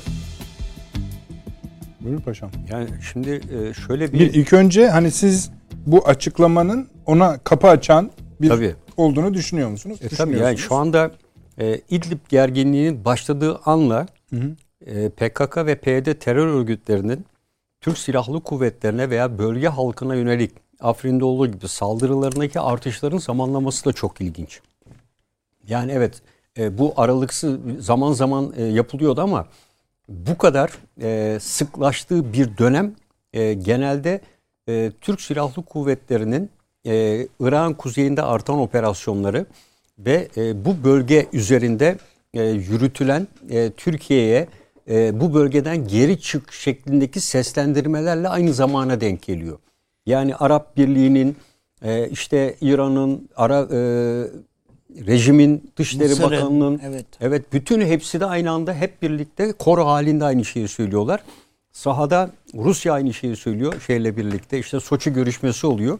Öbür tarafta Amerikalılar aynı şeyi söylüyor ve tam e, Barış Pınarı Harekatı'nın ikinci yıl dönümünde e, bunun Amerika'nın Türkiye güvenliğini tehdit yıl, ediyor evet. diyor. Türkiye'nin güvenliğini tehdit ediyor. Yani Türkiye'nin Amerika'nın güvenliğiyle ne ilgisi olduğunu ama açıklamıyorlar. DAEŞ'le mücadeleyi etkiliyor diyor. E, bugüne kaç tane DAEŞ'lı etkisiz hale getirmiş orada bize bunu göstersin. Öyle bir şey de yok. Yani eskiden koalisyon güçleri İncirlik merkezi buraya harekat yapardı. Şu an öyle bir harekat yok. Koalisyon güçlerinin gidip gitmediğini de bilmiyoruz yani. DH neredeymiş? İşte O DAEŞ'in da belli değil. Yeri, de, Deniz yeri orada yurdu da olduğunu belli söylüyor. değil. Varsa hani PKK'nın vardı. Niye kullanmıyorsun o zaman orada? Onun için sen onu yetiştirmiştin. Esas seni tehdit ediyorsa orada. Türkiye sınırında DAEŞ'li yok ki. Yani mücadeleye niye zarar ver? Amerika'nın bütün gücünü sen Türkiye sınırına mı yığıyor da geri derinlikte olan e, geri bölgedeki DAEŞ'ler hareket halinde her yere saldırıyorlar. Böyle bir resim de yok ortada. E, dolayısıyla e, temel amaç hep belirttiğimiz gibi yani Türkiye'nin bu bölgeden giderilerek oluşturulan e, işte hocamın da söylediği gibi ben de katılıyorum. Yani e, Suriye'nin evet bütünsel yapısı farklı devletler olmayabilir. E, işte güneyde belki bir Dürzi devleti o e, eski Dürziler hep e, devlet olma hayali vardı orada. O Amerika'nın da bir hedefidir. İsrail'in Lüb- güvenliği için. Lübnan'dan da bir Evet parça toprak var alarak orada. belki orada öyle bir yapı oluşturulabilir. E, ama e, Suriye e, asla hatta Irak'ta da işte ilk adım atıldı biliyorsunuz. Anayasasında da e, bu tür e, özerk yapılanmaların olabileceği şeklinde biliyorsunuz Biden bir madde koydurmuştu McGurk'le birlikte. Irak'ta da o yapı mevcut. Dolayısıyla ben e, bu anayasanın e, Biden ve McGurk tarafından Irak'ta yapılan anayasanın buraya bir benzerini enjekte edileceğini düşünüyorum. Bence. de. E, Amerika'nın çünkü- teklifi o yani. Evet. Çünkü Biden e, hayatında birçok belki e, kötü duruma düşmüştür ama 11 kez geldiği Irak'ta oluşturduğu bir yapının Suriye'de de oluşması için işte Irak'tayken e, bunu kimle yapıyordu? Kuzey Irak Bölgesel Kürt Yönetimi ve buradaki Kürtlerle birlikte. Buraya geldiğinde vekil olarak kendisini bu sefer PYD adında ENKS, Ulusal Kürt Güçlüğü vesaire gibi bir yapı. Hatta Roş peşmergeleriyle Kuzey ile Irak'la burayı birleştirme çabasına girdi. Bir ara başardı da bunu. Ee, bunu yaptığı takdirde işin sonu gelmişti zaten. Ama Allah'tan orada e, Barzani e, Türkiye'nin de etkisiyle burada geri adım atması e, bunu engelledi. Amerika Birleşik Devletleri Biden e, bu yapı üzerinde giderken ve eylem planlarıyla giderken Türkiye'den Barış Pınarı Harekatı karşısında buna onay vermek zorunda kaldı. Ve Biden e, Ankara'ya gelerek Amerika ile yapılan bu mutabakanın 13 maddenin imzalanmasından beri büyük hicap duyuyor. Çünkü Türkiye bu harekatıyla e, belki bir yıl evvel, bir buçuk yıl evvel veya iki yıl evvel, işte iki yıl olduğuna göre iki yıl evvel tam Suriye'de işleri yoluna koyacakken anayasal anlamda da birdenbire Türkiye'nin bu bölge ve arkasından da Barış Kalkanı e, bölgesiyle yani İdlib güneyindeki bölgedeki harekat ile Amerika Birleşik Devletleri'nin ve Rusya'nın esasında isteklerine gem vurdu. Çünkü her iki mutabakat ve Soçi mutabakatları bunu gösteriyor. Şu an Biden yayınladığı e, bu e, yeni yazıyla meclise gönderdiğiyle esasında Türkiye'ye karşı e, burada uğradığı ve Ekim 2019'da uğradığı yenilginin e, hesabını alabilir miyim anlayışı içinde. Ve Biden'la Türkiye arasındaki ilişkilerin açılmasının en büyük nedeni de ben Biden'ın tam işleri yoluna koymuşken yani ve göreve geldikten sonra da açıkçası Biden başkan yardımcısıyken Orta Doğu'da bir şekilde kendi istediği şekilde düzeni sağlamış e, ve ana düşüncesiyle hedeflediği Hint Pasifik bölgesine yönelecekken Türkiye'nin yaptığı bu manevrayla bu tarafa yönelmesi gecikti ve e, maliyeti arttı. E, bu yüzden de ben Amerika Birleşik Devletleri ve Biden e, Irak sistemini burada oturtturmaya çabalıyor. Tüm amaç bu. E, bunu yaparken tabii e, Türk Silahlı Kuvvetleri bu aşamada ne yapmalı? Harekat zaten e, amacına de biraz ulaşmıştı. defa harekattan uzak duruyorsunuz diye düşünmeye Yok. başlamıştım. E, harekatın e, biliyorsunuz toplam 5500 kilometre kare. E, Türkiye'nin e, toplam e, 6500 kilometre kare Suriye'nin kuzeyinde toplam alana sahip. Bu alan Barış Pınarı e, Harekat Bölgesi'nin 30 kilometre derinliği var. Dayandığı nokta M4 karayolu. Ama kuzey ve güneyinde e, bayağı geniş bölgeler var. Her iki mutabakata da bakıyoruz. Her ikisinde özellikle Rusya ile yapılan mutabakatta e, bakın burada ne diyor? E, Membiç ve Tel Rifat'ta bulunan bütün YPG unsurları silahlarla birlikte çıkarılacaktır diyor. Kim taahhüt ediyor bunu? Rusya. Peki çıkarıldı mı Münbiç'ten, Tel Rifat'tan? Bugün yapılan saldırılar hangi bölgeden yapılıyor? Bu bölgeden. Bunun için başka ne diyor her iki tarafta? Her iki taraf terörist unsurlarının sızmaların önlenmesi için tedbir alacaktır. Ee, şeyin kontrolü altında biliyorsunuz Barış Pınarı'nın doğu ve batısında 10 kilometrelik boş bu bölgeyi kim kontrol edecekti? Rusya. Sınırı kim kontrol edecekti diğer taraflarda? Rejim unsurları sözde. Peki bu bölgeden sızmalar hem Türkiye'ye karşı silahlı hem bizim birliklere karşı devam ediyor mu? Evet Milli Savunma Bakanlığı her gün yaptığı basın açıklamalarından bunu görüyoruz. O zaman bu mutabakatların her ikisi çöpe atılmış durumda. Ve dolayısıyla Türkiye kimseyi e, ne e, İdlib'de ne bir tarafta mutabakata uymamakla suçlayamaz. Ve dolayısıyla Türkiye'nin elinde burada Rusya yaptığı 22 Ekim tarihli mutabakat var. Bu biraz evvel okudum. Bunun birçok maddesi de var. Dolayısıyla Türkiye'nin hani Rusya diyor ki ben burada rejimle yaptığım anlaşmayla buradayım diyor. E, Türkiye'nin de orada bunu yapması ve bu harekatı kendi başına icra edecek olmasının temel dayanağı 22 Ekim 2019 tarihli Rusya ile yapılan mutabakat. Burada açık ve net diyor. Çünkü Rusya görevini yapmamış oluyor. Nasıl Rusya Türkiye ve İdlib bölgesine 22 hava harekatını yaptırıyorsa Türkiye'de de burada kendi bölgesine bırakalım Birleşmiş Milletler'in 51. maddesini filan. Yani hani bu 51. madde var ama Rusya ve Çin bunu hiçbir zaman gündeme getirmiyor. Türkiye'nin yapması gereken şu. Bir kere Batı'nın can damarı M4 Karayolu. M4 Karayolu'nu bu bölgeden Barış Pınarı bölgesinden ta Irak sınırına şeye kadar İdlib ve oradan da Laski'ye kadar kontrol altına alırsanız zaten Suriye'nin doğusu siz ve batısı birbirinden ayrılmış olur. harekatın ana unsurlarını söylüyorsunuz şimdi. Evet yapılma gerekçesi. Bir kere M4 karayolunu tam anlamıyla Arkadaşlar kontrol. paşam anlatırken harita dursun yanında. Öbür iki, iki haritayı da ha evet. gayet M4 karayolunu Barış Pınarı Harekatı'nın doğu sınırından Fırat'ın doğusuna kadar olan yani Fırat'ın kıyısına kadar olan bölgede M4 karayolunu tam kontrol altına almak. Elbette bu harekatın riskleri, maliyeti, bu bölgedeki sivil halkın yapısı, el yapım patlayıcılar çok risklidir. Ama bu harekat bence kuzeyden ziyade güneyden kuşatma şeklinde gerçekleşmeli. Yani M4 karayolu kontrol altına alarak bu terör örgütü mensuplarının ikmal lojistik ve geri bölgeyle önce irtibatı kesilmeli. Çünkü biz buradan bir süpürme harekatı yaptığımız zaman o teröristler güneye kaçıyor tekrar geri geliyorlar. O yüzden şu anda elimizde bizim manevra yapabilecek bir Bu çok bölgemiz var. önemli yani. Evet. Bu, bu çok önemli. Bunun içinde e, Barış Pınarı Harekat Bölgesi'nden güneyden kuşatarak M4 yolunu kontrol altına alarak oradan en kısa yoldan e, Fırat e, kıyısıyla buluşma. Ve bunu yaparken de işte kuzeyden de kontrollü bir şekilde veya oradaki milis güç e, unsurlarla, milli orduyla da verilecek görevlerle terör örgütü mensuplarının etkili olduğu yer. Bu bölgede Rusya'nın birkaç polis gücü dışında 50-60 hiçbir unsuru yok. Rejimin burada olan unsurları çapulculardan ibaret. Hiçbir unsuru yok. Burada yer alanlar tamamen PKK'lılardır. Ve Amerika Amerikalı. Birleşik Devletleri tabii.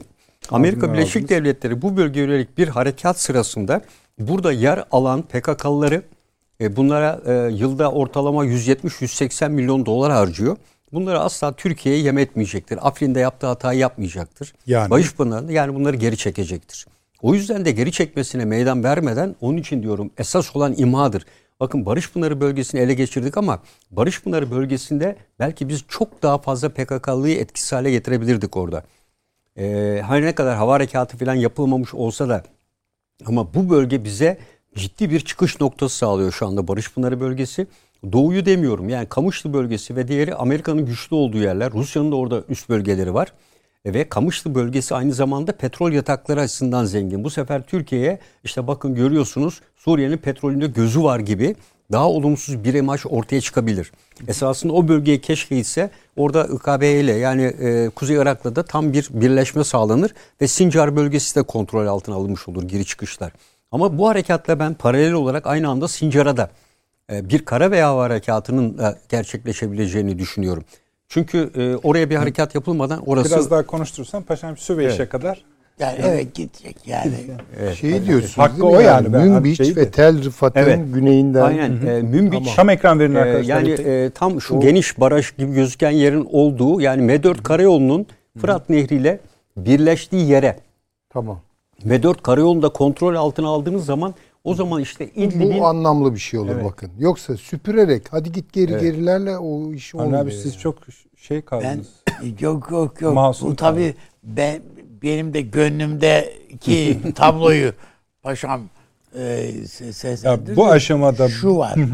bir tek kaygım hava güç şeyimiz kontrolümüz bizde değil yani böyle. fark etmiyor. Yani e, bence o kadar önemli değil yani e, hava harekat. Çünkü biz hava hava muharebesi yapmayacağız. Hayır hayır hayır. Onun için söylemedim. Yani ben burada sadece Amerikalılarla ilgili, Ruslarla ilgili söylemiyorum. Yok. İHA ve dronları Amerika'nın hiçbir radar sistemi takip edemiyor. Paşam ben şun şu e, şeyim. Biz Ruslarla kapışmamızın manası yok. Bizim Bizim onlarla kapışacağımız tek bir yer var. Ya Tel Rıfat'tır ya Kaş- Memlük'tür. kapışırız ama yani kapışılır. Önce bir Ama Türkiye Amerikalılarla Amerikalılarla isterseniz. kapışsa Söyle. burada yani Türkiye eğer Amerikalılarla kapışırsa O zaman bu işin bir Ama ben niye Batı'yı Hesabı diyorum? var. Bakın Batı'yı derken Doğu'ya giderse Amerikalılarla karşılaşma ihtimaliniz kuvvetle muhtemel. Ben İnşallah. o ikiden Yani iki tane öyledir. unsurdan daha çok tercih edilebilen, daha etkisi Evet. az olan ve biraz da yani kontrol ederse etsin. Benim kontrolüm Batı'da zaten. Ve Türkiye'nin zorlamasıyla bir şekilde bu mutabakatla Fırat'ın doğusuna ilk kez adım atan bir Rusya'dan söz ediyorum. Rusya burayı kontrolde Kamışlı bölgesinde Amerika ile zıtlaşmaları hariç bu bölge içinde Türkiye ile hiçbir şekilde zıtlaşmada olmadığı gibi devriye görevlerini bile çoğu kez ihmal Peki ettiler. niye mesela bu Soçi'de Türkiye tebliğ etmiş olamaz mı Rusya'ya? Arkadaş biz kararlıyız burada. Yok ben o bu konunun e, çünkü İdlib konusuyla bu konunun pazarlık yapılması Rusya'nın arzu etmediği bir şeydir. Rusya şu anda e, İdlib demek Rusya açısından Himeymin ve Laskiye demektir. Yani Rusya Evet, mevcut doğru. olan kazanımını Evet. elde tutmaya çalışıyor. O yüzden e, ona bunu al bunu ver diyerek Ama yapacak hayır bir onu al onu ver diye değil. Şimdi bir Türkiye buraya bunu bu harekatı başlattığı anda Halep var aşağıda. Ha, biz Halep Halep ayrı bir şey. Yani Halep gibi yapıya girdiğiniz anda içinden çıkamazsınız. Çok büyük. Yani e, çok büyük bir ve tarihi bir şehir ve e, Şam neyse Halep odur. Yani bu ikisi arasında İdlib e, ona bağlı daha ufak bir yerleşim yeri. Onun farklı bir özelliği var. Türkiye sınırına yakın.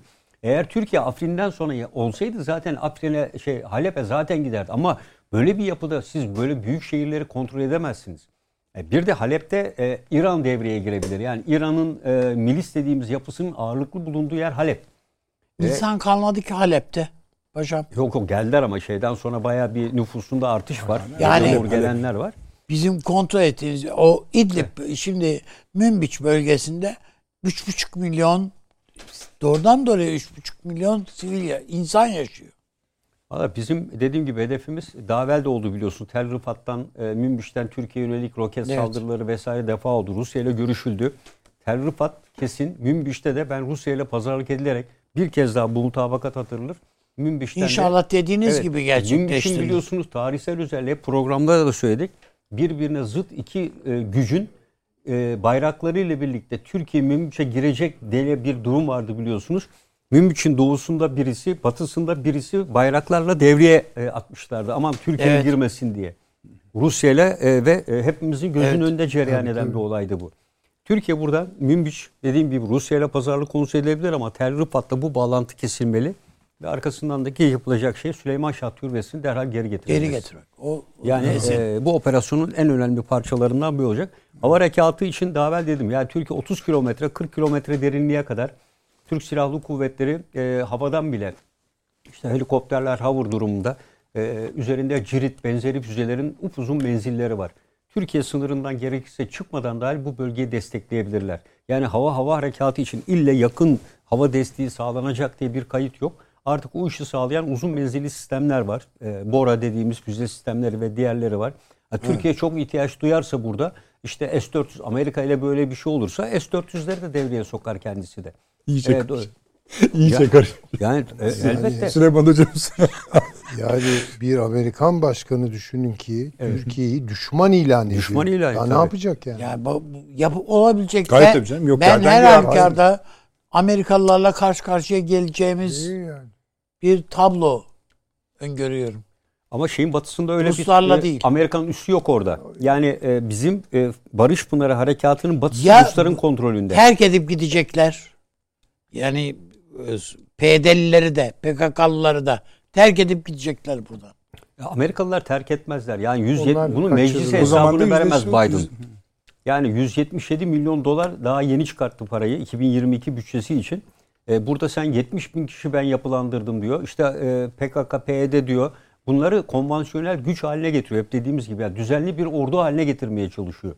Ama PKK'yı PYD'yi tanımıyor. Yani bu düzenli bir gücün oluşmayacağını Irak'ın kuzeyindeki Taliban-ı Barzani'nin babalarından itibaren başlayan süreçte de o bölgelerin yapısal özelliği konvansiyonel bir güç oluşturmaya engel zaten. Ee, bu Evet. genlerinde de var. Yani dağlık bölgelerde harekata göre yetişmiş bir e, grubu e, ve o şekilde zamanından beri atalarından öğrendiği bir yapıyı sen gelip düz ovada bir konvansiyonel güç haline geçsen savaşamaz onlar. Tabii canım. Yani, aşiret yapısı. Aşiret yapısı Yani, dolayısıyla e, Amerika Birleşik Devletleri e, bunun da farkında. Yani burada Türkiye'nin karşısına Afganistan ordusu gibi bir şey olur o. e, evet aynen öyle öyle olur yani. kaçar giderler yani. Burada e, Amerika Birleşik Devletleri böyle bir müdahalede Türkiye'nin bence mesela F-16 zamanlamasını da çok e, anlamlı buluyorum Evet, bu doğrultuda. Yani Türkiye'de Geçmeyelim elindeki ama siz kozları harekattan Tabii. devam edin. Konuşacağız çünkü Evet. onu. Hı hı. Bu harekat tamam mı? Yok şu anda harekata ara vermiştik yani. Devam Yani edeceksiniz yok, tamam dinleyelim onu. Ee, Arkadaşlarımız haritayı da Tabii versin. şunda şöyle bir önemli konu Yine var. Öyle verelim Ee, arkadaşlar. Harekatın e, bir takım sınırlıkları belirlenmesi lazım. Yani bu Kıbrıs Barış Harekatı hani nasıl bir hat belirlendi. O hattın ötesine geçenler de oldu. Çünkü elde haritalar güncel değildi vesaire. Hatta e, Limassol vesaire gibi bölgelere kadar giden e, birlikler de olmuştu. Şimdi burada de- derinliğe indiğimiz anda Amerika ile bence Amerika'nın üstlerine baktığınız zaman genellikle M4 karayolunun güneyinde ve ağırlıklı olarak Barış Pınarı Harekatı'nın güneye doğru düz bir çizgi çizginin hep doğusunda olduğunu görüyoruz. Yapılanmasının temel amacı da bu. Ya Türkiye sınırına yakın en yakın bölgesi Kamışlı. Ama ilginç bir şekilde geçen gün e, televizyonlarda da gösterdi. Yine Kamışlı bölgesinde PKK'nın kontrolünde olan bir gözetleme bölgesine Rus bayrağı çekildi. Yani Kamışlı bölgesinde biliyorsunuz e, burada rejimin askerlerini PKK'lılar sarmıştı bir ara. Ruslar devreye girerek buradan çıkarttılar. Oradaki havalanı, Kamışlı'daki havalanı bölgesinden.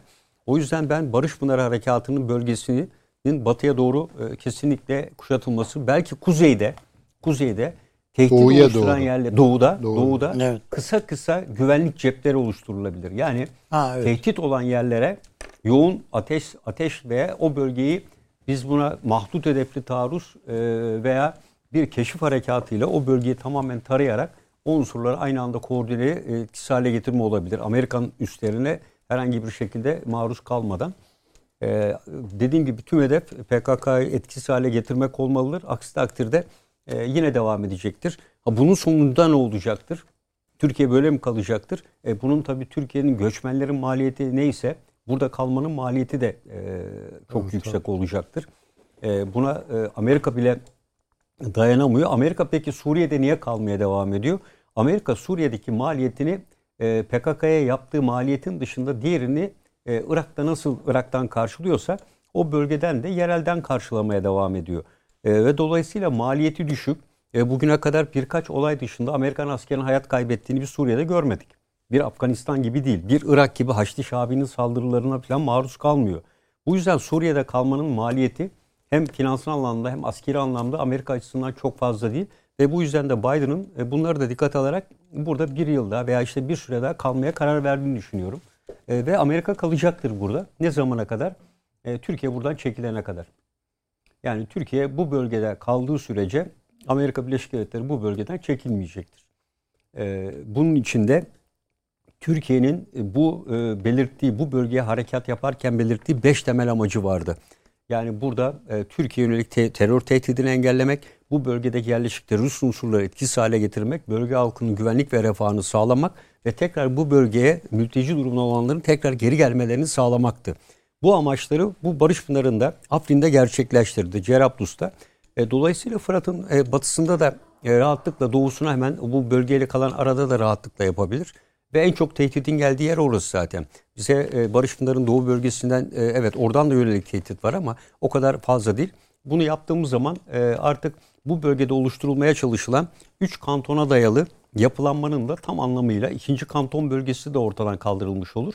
Ve dolayısıyla buradaki PKK, e, Suriye Demokratik Güçlerine dersek diyelim, 3 kantona dayalı bir özerk yapılanmanın e, ayağı tamamen 3 ayağı da birbirinden tam anlamıyla kesilmiş olur. kırılmış olur diyorsunuz. Peki- Zaman Yani e, zamana da bir söylesin de Evet. nasıl bir E, zaman e, ben e, Biden'la bir görüşme şeyi olacaktı.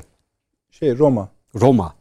E, ben e, o görüşmeyle birlikte bunun netlik kazanabileceğini düşünüyorum. Gerekli planlamaların yapılacağını Peki Amerika geri adım atabilir mi? Yok. Amerika geri adım atmaz. Zaten Hayır, e, hayır, yani- Barış Pınarı'nda da geri adım atmadı. E, biliyorsunuz Barış Pınarı'nın olduğu zaman da hep buralardaydık tartıştık. Onda da geri adım atmadı. Yani Amerika Birleşik Devletleri şu anda Barış Pınarı'ndan olduğundan Türkiye ile olan ilişkileri daha iyi olmadığı gibi daha da kötü durumda olduğunu söyleyebiliriz. Bunu dikkate alarak biraz evvel Nedret Bey de söyledi. Yani NATO iki müttefikinin çatışmaya ortamına gitmesi demek NATO'nun da yok olması anlamını taşır. Yani Amerika Birleşik Devletleri şu anda Avrupa Birliği'nde Fransa başta olmak üzere birçoğunda e, hepsi stratejik otonomi, stratejik özellik gibi özellikle Macron döneminde Fransız basında da yer alıyor. Bu sesler De Gaulle dönemine geri dönüş gibi. Yani NATO'dan Fransa askeri kanadından çıksın mı çıkmasın mı tartışmaları demek Avrupa Birliği'nin çıkması, Avrupa Birliği'nin stratejik özelliği demektir. Şu anda ben hep söylüyorum Fransa e, Yunanistan ilişkilerini ben bu doğrultuda bakıyorum. Yani NATO'nun yerini alacak yeni bir yapılanmanın ilk adımları olarak değerlendiriyorum ve bunu Amerika Birleşik Devletleri de görüyor. Eğer Amerika Birleşik Devletleri buna rağmen Türkiye olan ilişkilerini tam anlamıyla sona erdirmek istiyorsa e, bu bölgede Türkiye'nin karşı, karşı Türkiye ile karşılaşabilir. E, karşılaştığımız zaman sonuç ne olacaktır? O elbette e, Sayın Cumhurbaşkanı dediği gibi bu e, sahada e, çözümlenecektir. E, dolayısıyla e, füzesi, roketi vesaire falan olabilir ama e, Türk Silahlı Kuvvetleri'nin sahada sahip olduğu tecrübe e, sahip değil. Yani Benim, hep benim, ya, söylediğim şuydu. Yani Cumhurbaşkanımızla görüşme, randevuleşme şeyinin Türkiye'nin harekatını ertel ettirmeye e, yıkabilirler diyorsunuz? olduğunu. E, Yok ama yani bir görüşme sağlanacak. Yani bu görüşmenin e, bu düzeyde sağlanması böyle bir imkan verken e, burada konuşulması önemli. Ha bunun akabinde buna gelmeden evvel bu tip saldırılar artarsa ben o da beklenmeden e, bu harekatın hızlı bir şekilde yapılabileceğini düşünüyorum ve Türk Silahlı Kuvvetleri'nin e, planlamasını yaptığını ve buna uygun olarak yığınaklanmasını da oluşturduğunu düşünüyorum. E, çünkü e, bu işte e, hemen e, bu saatte de yapılabilir, gece de yapılabilir, e, sabaha karşı da yapılabilir. Afrin'de olduğu gibi saat 5'te de başlayabilir, 4'te de olabilir. Yani bu e, artık bir zaman olarak değil, e, bunu ben e, hemen görüyorum. Yani hayır yani teknik açıdan silahlı kuvvetler tekniği açısından hemen ya da sonra yapılmasında bir problem gözükmüyor. Fakat e, sizin o siz de bahsettiniz işte bu görüşmenin olması ne iş ya yarayacağını ben hiç bilmiyorum. Ben de hocam hiç ama işte bir hep denir ya keşke dememek için e, belki E, belki yani de bir, defa hani önden gitmek de gerekebilir. bence önden gittik zaten. Cumhurbaşkanı yaptığı açıklama önden Evet, gitmeyi zaten söylüyor zaten. o Yani zaten diyor ki evet. onun bizim- işareti evet, zaten. Bizim burada sıkıntımız var dedi. Bir öncekinde de öyle hatta. Bir gece ansızın Evet. gelebilir. Afrin'de de öyle. Gene işaretini verdik. Ve şu anda da bunu verdik. Türkiye daha evvel verdikten sonra da ne olduğunu biliyor. Ve Türkiye'nin o bilmiyor mu bizim bütün insanlarıyla Türk Silahlı Kuvvetleri nerede yığınaklandığını, ne yaptığını, hangi birlikler nereye geliyor, istihbarat faaliyetleriyle hepsini biliyor. Ve bu yığınaklamadan maksadın ne olduğunu da biliyor. Ve dolayısıyla onlar da hazırlıklılar. Burada uluslararası ilişkilerde savunma diplomasisi devreye girecek işte burada. Savunmanın diplomasi ayağı konuşacak. Süleyman Hocam hiç öyle şeylere yüz vermez. gibi. Ne diyorsunuz bu görüşme için hani bu konu yani harekatla bağlantısı olacağını düşünüyor musunuz? Yani e, şeyde böyle e, hatırlıyorum Cumhurbaşkanı seçimindeki krizlerde nafile turlar vardı. İşte Bizim şimdi Yunanistan'da Prosedür gereği evet yani nafile oylamalar. kaç olduğunu ben de unuttum. evet, bunun bir anlamı yok. Çünkü e, niyet kötü. Demin paşamın söylediklerine katılıyorum. Yani bir rövanşist bir yaklaşımla oturuyor orada. Biden. Yani e, hakikaten anti Türkiye ve anti Türk. Şimdi bu adam yani tabii böyle olduğu için e, Amerikan siyasetleri ona göre şekillenmiyor. Ama Amerikan siyasetleri de böyle bir adamı başkan yapıyor. Yani. Dolayısıyla ben bunlardan anketleri bir görseniz inanamazsınız Süleyman Hocam. Ayrı bah- bahis de yani Biden'ın şeyle arası bakın evet evet. Şeyi söylemeyeceğim. Trump'ı söylemeyeceğim. Kamala Harris'le arası 15 puan. Zaten e, onu belki yeri gelince konuşacağız. Hı hı. E, Biden'ın vadesinin dolduğu kanaatindeyim ben. Yanlış anlaşılır. Siyaseten diyeyim bari de. E, yani tabii tabii. Bu benim Öyle bir intibada var mı? değil yani siyasi vadesi tabii ki. Bunu Allah bilir ne bileyim ben. Ama e, bunun da Türkiye açısından getireceği çok önemli sonuçlar olacak. Ben- Bu ben- Hindistan'ı konuşurken filan bunun üzerinde biraz Olur, duralım duralım. isterim. Evet. bu e, paşamın artık onu hani önerdiğim mi diyeyim hani şöyle olursa iyi olur diye anlattığı e, harekat formatı hani vuracaksanız tam vurun bir daha yerden kalkamasına benziyor. Size uygun mu? Mesela Avni Bey çok uygun geldi. Valla ben tabii askeri ve istihbari konularda e, paşam buradayken konuşmaktan da hicap duyarım yani böyle bir şey değerlendirme yapamam. Ama gördüğüm kadarıyla e, Türkiye'nin orada bir daha bir ses getirmesi gerekiyor. Yani bu açık. Bölünme konusunda bir şey söyleyecek misiniz? İşte bölünme meselesinde arz ettim. Yani bu bir kere e, Suriye'nin e, Suriye olarak kaldığı harita üzerinde ama iç yapısının dönüştürüldüğü bir yere doğru gidiyor. Bakın bu risk. Türkiye açısından risk. Burada Türkiye'nin bir vizyon koyması lazım. Bunu da söylüyorum. Ee, sevgili e, hocamın paşam söylediğinde ben biraz Şam-Rusya eksenini e, nasıl söyleyeyim daha az kuvvetli gören bir bakış gör, şey yaptım. Hissettim paşamın analizinde. E, Adamlar da herkese buradan çıkın diyorlar bir yandan yani. Şimdi tabii böyle bir dalga geliyor. Şimdi bu e, Rusya tarafından geliyor, rejim tarafından geliyor, bu İran tarafından geliyor. Daha e, Ben İran konusunun bu akşam biraz şekil değiştirdiğini bu masada düşünüyorum Suriye özelinde. bilemiyorum ama Türkiye'nin oradaki varlığını herhalde bu konu bağlamında çok e, İstiyor tabii yok yok o ayrı bir şey. elbette tabii. O ayrı. Ama daha önemlisi aşağıdan gelen bir rüzgar var. Bu Arap milliyetçiliği meselesi var. O da baskı yapıyor. Ama o İran'ı da hedefliyor tabii. Evet, kesinlikle. Orada İran da var. Şimdi buradaki kötü niyet şurada. O mektupta DAEŞ'la mücadeleden söz ediyor Biden. DAEŞ nerede bu Suriye'de diyorsun? İşte şeytan aldı götürdü filan gibi bir şey yani. Çıkıyor ortaya. Yani dağa gitti, inek su içti, yandı bitti, kül oldu gibi bir şey yani. Yok orada da. Sen burada Olanı da zaten Mücadele- götürdüler. evet Afganistan'a evet Afganistan'a götürdüler de. Yani sen burada DAEŞ'la mücadele mi ediyorsun? Evet diyor adam. Nerede bu DAEŞ? Hani edelim hep birlikte. O yok. Ortada bu yok. Olmayan bir DAEŞ'la DAEŞ'ı mücadeleye e, DAEŞ'la mücadelede Türkiye'nin engel olduğu kanaatinde Tabii. olduğunu söylüyor. Tıpkı bu hani Irak'a vurmak için kimyasal silahları var efendim. Bakın fotoğrafları falan der gibi. Ya işte temsilciler meclisinde kamuoyunda DH korkusuyla bir algı işte e, Kunduz'da. Ya ben bir de şunu da söylüyorum. Ya Biden'ın bu açıklamasıyla hep Kunduz'a yapılan, camiye yapılan saldırı da aynı zamanda yapılması da çok ilginç. Yani bu ikisi arasında Evet, da evet. bağlantı var. Yani DH'la mücadele orada da işte bak DH ne yapıyor? Ho- DH Horasan'ı Ama şey hani Dışişleri Bakanı çıktı dedi ya onları da siz götürdünüz oraya kardeşim. Yok onu götürdü. tamam, tamam. Ama bakın bu açıklamalar ikinci yıla denk gelmesi, e, DAEŞ'le mücadeleye sekteye vuruyor demesi ve ondan bir gün sonra da e, Kunduz'da camiye yapılan Afganistan'da saldırı 60'tan fazla e, Afganlının hayatını kaybetmesi arasında da bir bağlantı var. İşte diyor ki bak DAEŞ'te diyorduk ya işte boşuna değil. İşte biz Afganistan'da niye bulunuyorduk? İşte bu Taliban DAEŞ'te mücadele için diyor. Bak ne yapıyor insanlar diyor. Ve Amerikan kamuoyuna korku pompalıyor. E, temsilciler meclisine de korku pompalıyor aynı zamanda. E, ve dolayısıyla DAEŞ üzerinden esasında Biden e, bunun üzerinden Hint Pasifik bölgesine de para kaydırmaya çabalıyor. Evet öyle. Ama mesela Amerika'nın günlük basınına baktığınızda bunların hiçbiri yok. Tamamen kendi dertlerine düşmüş. O ayrı tabii. Evet. Kendi dertleri. Ayrı konu. Şimdi şöyle yapalım tamamlamak açısından. Yani haritanın nasıl söyleyeyim bir santim sağına bak bakmıştık. Şimdi bir santim soluna bakalım. Irak'ta seçimler oldu ve burayı etkileyecek. Net. Evet. Oradan bir giriş yapıp iki haritayı birleştirelim Avni abi. İlk önce ne oldu onu bize söyle. Şimdi şöyle söyleyeyim. Birinci şunu ekleyeyim. Hani Ha. çok düşük bir katılım oranı oldu.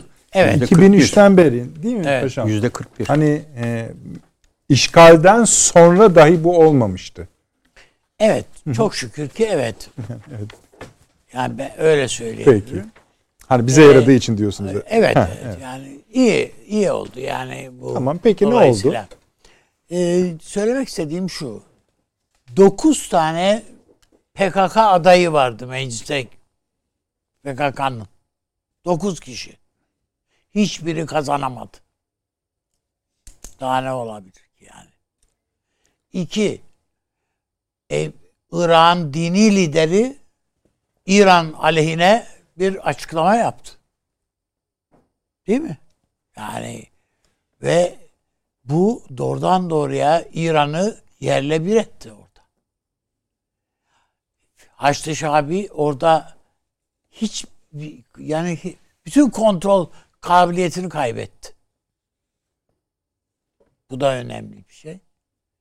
Ee, bakıldığında e, şey Irak Kürdistan yönetimi e, KDP hı hı. çok büyük bir güç kazandı. Bölgesinde çok büyük bir güç kazandı. İkinci sırada çıktı zaten. Evet. Öyle yanlış Ve hatırlamıyorsam. Türkiye'nin desteğiyle. Bir de bu var. Ortada. Nereden diyorsunuz bunu? Öyle mi? E, yani? Türkiye'nin desteğiyle Peki, tabii. Yani tamam. bütün bölgede yani e, bu Türkmen partilerinin hemen hepsi hepsi e, söz birliği etmişçesine e, işbirliği yaptılar KDP ile. Onun için ben e, sonucun hem birliktelik sergilenmesi bakımından hem e, Amerika'nın Irak planlarına sekte vurulması bakımından her manada doğru bir e, hoş bir tablo ortaya çıkardığı kanaatindeyim. Bir. Hı hı. İkincisi İran geleceğiyle de Türkiye ile ilişkiler konusunda da eğer Ankara taşları doğru oynarsa yani her zaman bu şartı koymak lazım. Yani bazen yapıyoruz yapıyoruz bir bakıyorsun ki işte tıpkı futboldaki gibi yani altı pastan havaya dikiyorsun top gibi. Yani e, son anda bir yanlışlık yapmamak kaydıyla e, Irak, Irak'ta oyunu doğru oynamamız lazım bizim. Irak'ta oyunu doğru oynamaktan maksadım şu. Yani orada e, Türkiye'nin bir gelecek planlaması. İşte az önce e, Süleyman Hocam dedi ki Türkiye'nin bir Suriye projesi ni ortaya koyması gerekiyor. Ben de zaman e, sık sık söylüyorum bunu. Aynı şekilde bir Irak projesi. Bakın orada şeyleri belirsiz, statüleri belirsiz yerler var. Yani buna yerler derken kastan bunlar ufak tefek değil yani. İşin Musul'du, Kerkük'tü. Bütün bunlara ilişkin Türkiye tavrını netleştirmeye çabalamalı. Ve bu konuda e, ş, gerek e, Arap Arapları gerekse Kürtleri bir e, bir şekilde zihinlerini rahatlatmalı. Yani Türkiye'nin böyle bir işgal veya Türkiye'nin te, bir buralarda böyle bir heves içerisinde olmadığını ama o bölgeler evet Kürtlerin de yaşadığı tarihsel olarak Türkmenlerin de yaşadığı, Türklerin yaşadığı bir coğrafya e, Ara, e, Saddam'ın Araplaştırma çabalarının hedefi olmuştur. Kerkük filan. O kadar yani. Yani tapu dairelerini yaktırdı Saddam. Nüfus dairelerini yaktırdı. Ee, Arap'la evlenen Türkmen kızlarına ev verdi, çeyizlerini verdi. Yani bir yıl ayak oyunu ve şeyler. Talga dubara yani. Abi burada ortaya çıkan manzara neden bizim lehimize? Hı? Irak'ta ortaya çıkan seçim sonrası tablo neden bizim lehimize? Bizim lehimize şu. Türkiye tabloyu doğru okuyabilir. Hı. Ortada pislik yok. Yani bulaşık şeyler temizlemek zorunda değiliz. Abi şimdi Ama doğru de. okuyup da eğer sahaya da doğru bir oyun koyarsak Hı. biz buradan o kazancı siyasete dönüştürebiliriz. Şey değil yani tek bir e, şeyde bir e, seçimi kazandık havasında değil. Anladım. Bir e, olduğu gibi Ama seçim oyuna... sonuçları bize şunu söylüyor değil mi? Bir PKK daha az eridi. Daha eridi. Eridi. İki evet. İran azaldı. Azaldı. Azaldı. Yani İnşallah bu Suriye'ye de yansır. İşte onun için aynı o sayfayı aklı, çevirdik haritamızı. Aynı aklı burada nasıl kullandıysak ikisini birlikte düşünsün. O öbür tarafta da kullanabilirsek e, biz bu işten karlı çıkarız. Avantajlı çıkarız. Karlı demeyeyim de karlı kelimesi şey değil, isabetli değil. Ama avantajlı çıkarız. Anladım. Peki. Ee, tabii paşama da soracağım ama hani Kuzey Irak'taki terörle mücadele konusunda bizim orada da askerlerimiz var değil mi paşam? Yani Evet. orada da bir şey Ka- evet üst belgelerimiz var. Ha, Yani üst tamam da işte onu da kontrol bir noktalarımız var. onu da bir oyuna katmakta fayda Evet. var mı diye soracağız. Ayrı konu. Şimdi en çok kazanan mukteda Es-Sadr oldu. Evet öyle. Sadır hani ilk e, kafa karıştırmasın izleyicilerimizin ha, İran'a yakın biri değil en azından. Şii Ama, ama bütün e, söylemini kampanya söyleminde Irak evet Şiisi. Evet. Evet. Yani zamanında ona yakın da durduğu oldu. Ama bu kampanyanın tamamını İran'ı dışarı iterek gerçekleştirdi. Güçlü birisi. Dediği gibi Avni abinin ikinci kazananı zaten Kuzey Irak yönetiminde Barzani grubu öyle söyleyelim. Oldu. Fakat eee, aşağı doğru giden grup içinde de bizi çok çok üzecek siyasi etkisi olan kimseler, gruplar yok. Bir tek eleştiri şuradan geliyor. Çünkü çünkü sonuna doğru şöyle demeye başladılar. Efendim bu seçim geçersizdir. Evet saymıyoruz dedi. Saymıyoruz. Bu Orta Doğu'da Evet. da seçim saymama işi çok garip. Ee, tekrarlanacağını zannetmiyorum. Bir tek şimdi Amerikalılar bundan ne kadar mutlu ya da değil. Çünkü onlar da hani Bağdat'ı artık boşaltma vesaire gibi konuşmalar yapılıyordu. Hüseyin Hocam siz nasıl buluyorsunuz bu yeni tabloyu? Ee, büyük ölçüde katılıyorum e, üstadın söylediklerine ama e, Endişem şudur diyeceğim. yani PKK eridi diyemeyeceğim orada. Haçlı Şabi de eridi diyemeyeceğim. Ee, ama bunların siyasetteki etkileri çok min- minimum oldu. Yani Irak siyasetini belirleme kapasiteleri geriledi. Yoksa bunlar varlıklarını orada devam ettiriyorlar. Üstelik güçlü bir biçimde devam ettiriyorlar. Yani Irak'ı bir kere doğru tarif etmemiz lazım. Kanun hakimiyetinin olduğu bir yer değil. doğru. Yani merkezi siyasetlerin en ücra köşelere kadar kendini kabul ettirebildiği bir coğrafya değil. Hocam sizin başkentiniz ve yönetim merkezleriniz zaten bir Tabii. renkle anılarak güvenli bölge ilan ediliyorsa Tabii, zaten hani tabii, tabii. o tam değil o Tabii. ülke demek yani. En azından bunların artık meşruiyetinin daha fazla sorgulandığını, e, en azından siyasete sahip çıkan seçmenler indinde. Tabii o yüzde altmış nedir yani mesela onlar niye gitmediler seçimlere? Yüzde kırklarda kaldılar. O onu da bilmiyorum ama önemli değil. Yani sonuçta bir seçim yapıldı. Legal bir seçim. Yani e, daha doğrusu e, temiz bir seçim yapıldı. E, dünyanın her yerinde seçime itiraz ederler. Amerika'da da ediyorlar filan ama yani genellikle kolay kolay seçim e, sonuçları değişmiyor.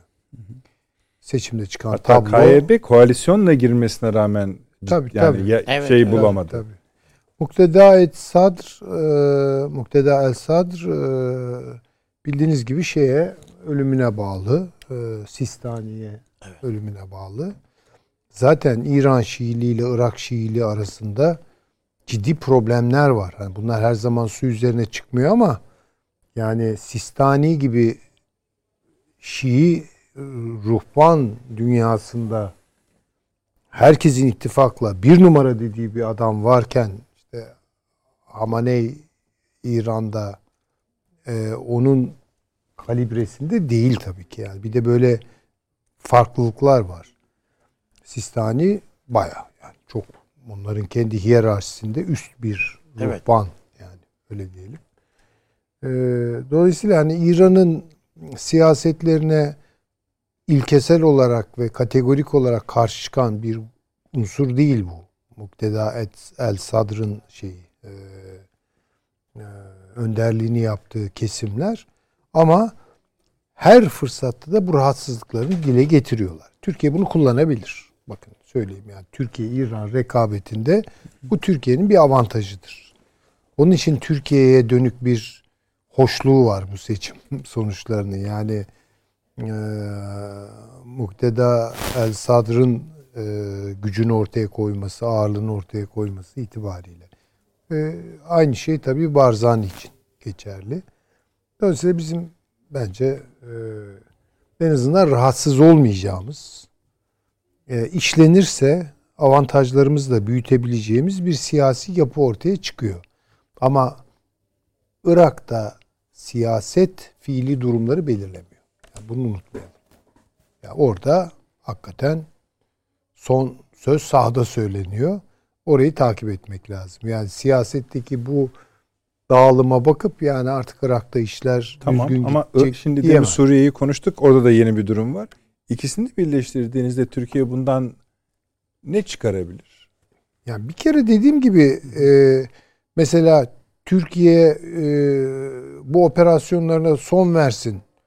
Bunu yasa dışı buluyoruz. E, egemenlik hakkımızın ihlali buluyoruz filan diyen bir baş ağrıtan bir Bağdat değil de konuşulabilecek ve kendisine alan açmayı mümkün hale getirebileceği bir Bağdat çıkacak karşısına. Budur mesela en büyük kazanım. Ama oradaki güçlerin e, ağırlığında bir değişim yok. Ben öyle oku değerlendirmiyorum. Yani. Haçlı Şabi orada güçlü. Orada PKK da güçlü. Bunların arasında bir ittifak var. Esas mesele odur bizim için. Bu da seçimle görülebilecek yani seçim sonuçlarına bakılarak görülebilecek, değerlendirilebilecek bir şey değil. Türkiye orada bunlarla çetin bir mücadele vermek durumunda. Yani en fazla alan açabilir. Yani işte mevcut e, ya da kurulacak olan siyasi yapı ne olacaksa artık hükümet ne olacaksa Türkiye'ye en azından daha fazla alan açabilir. Hepsi olur. Ya buradan böyle büyük şeyler ben beklemiyorum. İran açısından. Ya İran tabii ki rahatsızdır bu sonuçlardan. İran birden çok sıkışmaya başladı. Onun için şimdi bu sefer E tabii yani çok ister e, Irak Şiiliğinin e, sadece değil Irak'ın kuzeyi açısından da rahatsız eden bir işte onu yapamıyorlar. Orada bir problem var. Var. Orada İran apaçık bir şekilde e, şeyin e, PKK ile iş tutuyor. Yani Barzani'ye diş geçiremiyorlar.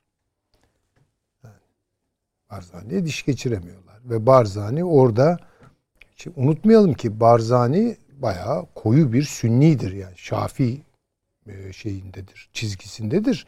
Öyle İran'a falan yatmaz. Ve Nakşibendi Ben Nakşibendidir yani. Ee, şey tabii yeni Nakşibendi akımların tesiri altındadır.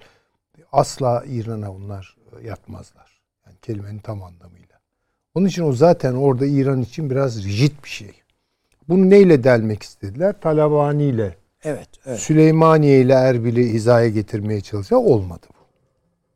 Bu olmadı. Onu yapamıyor. Yani İran işgali sırasında Talabani biraz uyanıklık edip Erbil'deki kaleyi kale derken yani Anladım. Barzani'nin falan şimdi kaldıkları ailenin kaldığı yeri kendisine ikametgah olarak seçip oraya girdiydi. Türk Silahlı Kuvvetleri girdi Irak'a ve Talabani'yi oradan çıkarttı. Barzani'yi getirtti, getirdi oturtturdu. Şimdi bakın bunlar yönetmek sorunu. Tabii. Başka bir iş yani. Yani şimdi bunu işte Suriye'de yapmak lazım. Şimdi hatırlayalım yani Barzani yani bir de samimi bir şekilde hatırlayalım. Barzani lafı geçtiği zaman bir dönem Türkiye'de kamuoyunun tüyleri diken diken olurdu. Öyle değil mi? Evet. İşte Barzani Ankara'yı rahatsız edecek bir açıklama yaptı. Tam Amerikalıların elinde oyuncak oldu.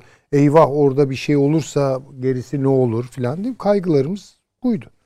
Ama zaman içerisinde Türkiye orayı yönetmeyi, yani yönetime derken gelip e, Kuzey Irak'ı yönetmek anlamında değil.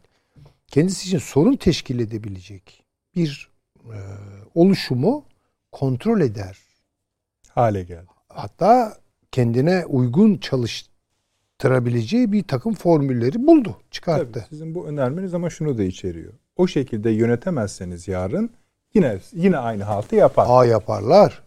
Şimdi nihayetinde şöyle düşünün. Yani Yani, seçimin üzerinden ne diyor Süleyman yani Hocam? niye ne olursa olsun Barzani de kendisini Kürt ulusunun bir parçası olarak Görür. görüyor. Onun için işte o e, şey Tabii ki. efendim referandum şu bu şeyleri filan yani acaba bu o yani onun da Vallahi zihninin bir tarafında var bir şeyler. Ama Türkiye aleyhine iş döndüğü Yani anda Türkiye'siz nefes alamayacağı Evet. bir hale getirildi orası. E güzel. Bitti.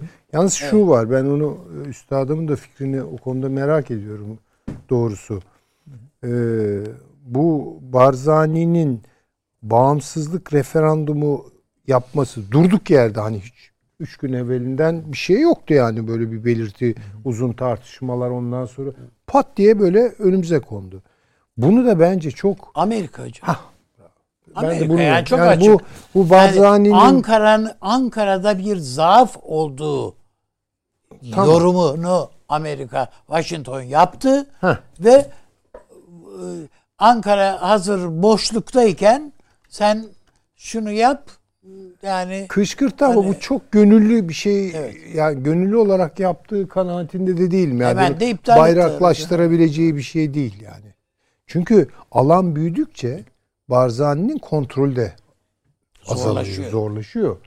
Yani o dolayısıyla belli bir noktada tutmak istiyor bu işi. Orada tuttuğunuz zaman dayanabileceğiniz bir tek Türkiye kalıyor. İşte bunlar hani pratiğin içinden geldi. Türkiye belki hani burada bir özel teklif de getirmedi. Veri durumu kendine göre e, kendisine uygun hale getirdi. Suriye'de işler biraz daha karışık. Türkiye'de bayağı önce bir şeyler söylemesi lazım. Süreyi bayağı işte konuştuk. bu, Yine de bu konuşacağımızı. Türkiye'nin bir şeyler söylemesi bir şey lazım. söylemesi lazım Peki. yani. Şöyle daha Amerika'nın Yunanistan'ın toprak bütünlüğünü garanti etmesini, bizim Amerika'dan istediğimiz savaş uçakları meselesinin perde arkasını konuşacağız. Ama önce Paşam tabii bize bir Irak anlatacak yine ikisini de birleştirerek. Bir dinlenelim efendim. Kısa bir reklam arasıdır. Ondan sonra hemen huzurlarınızdayız.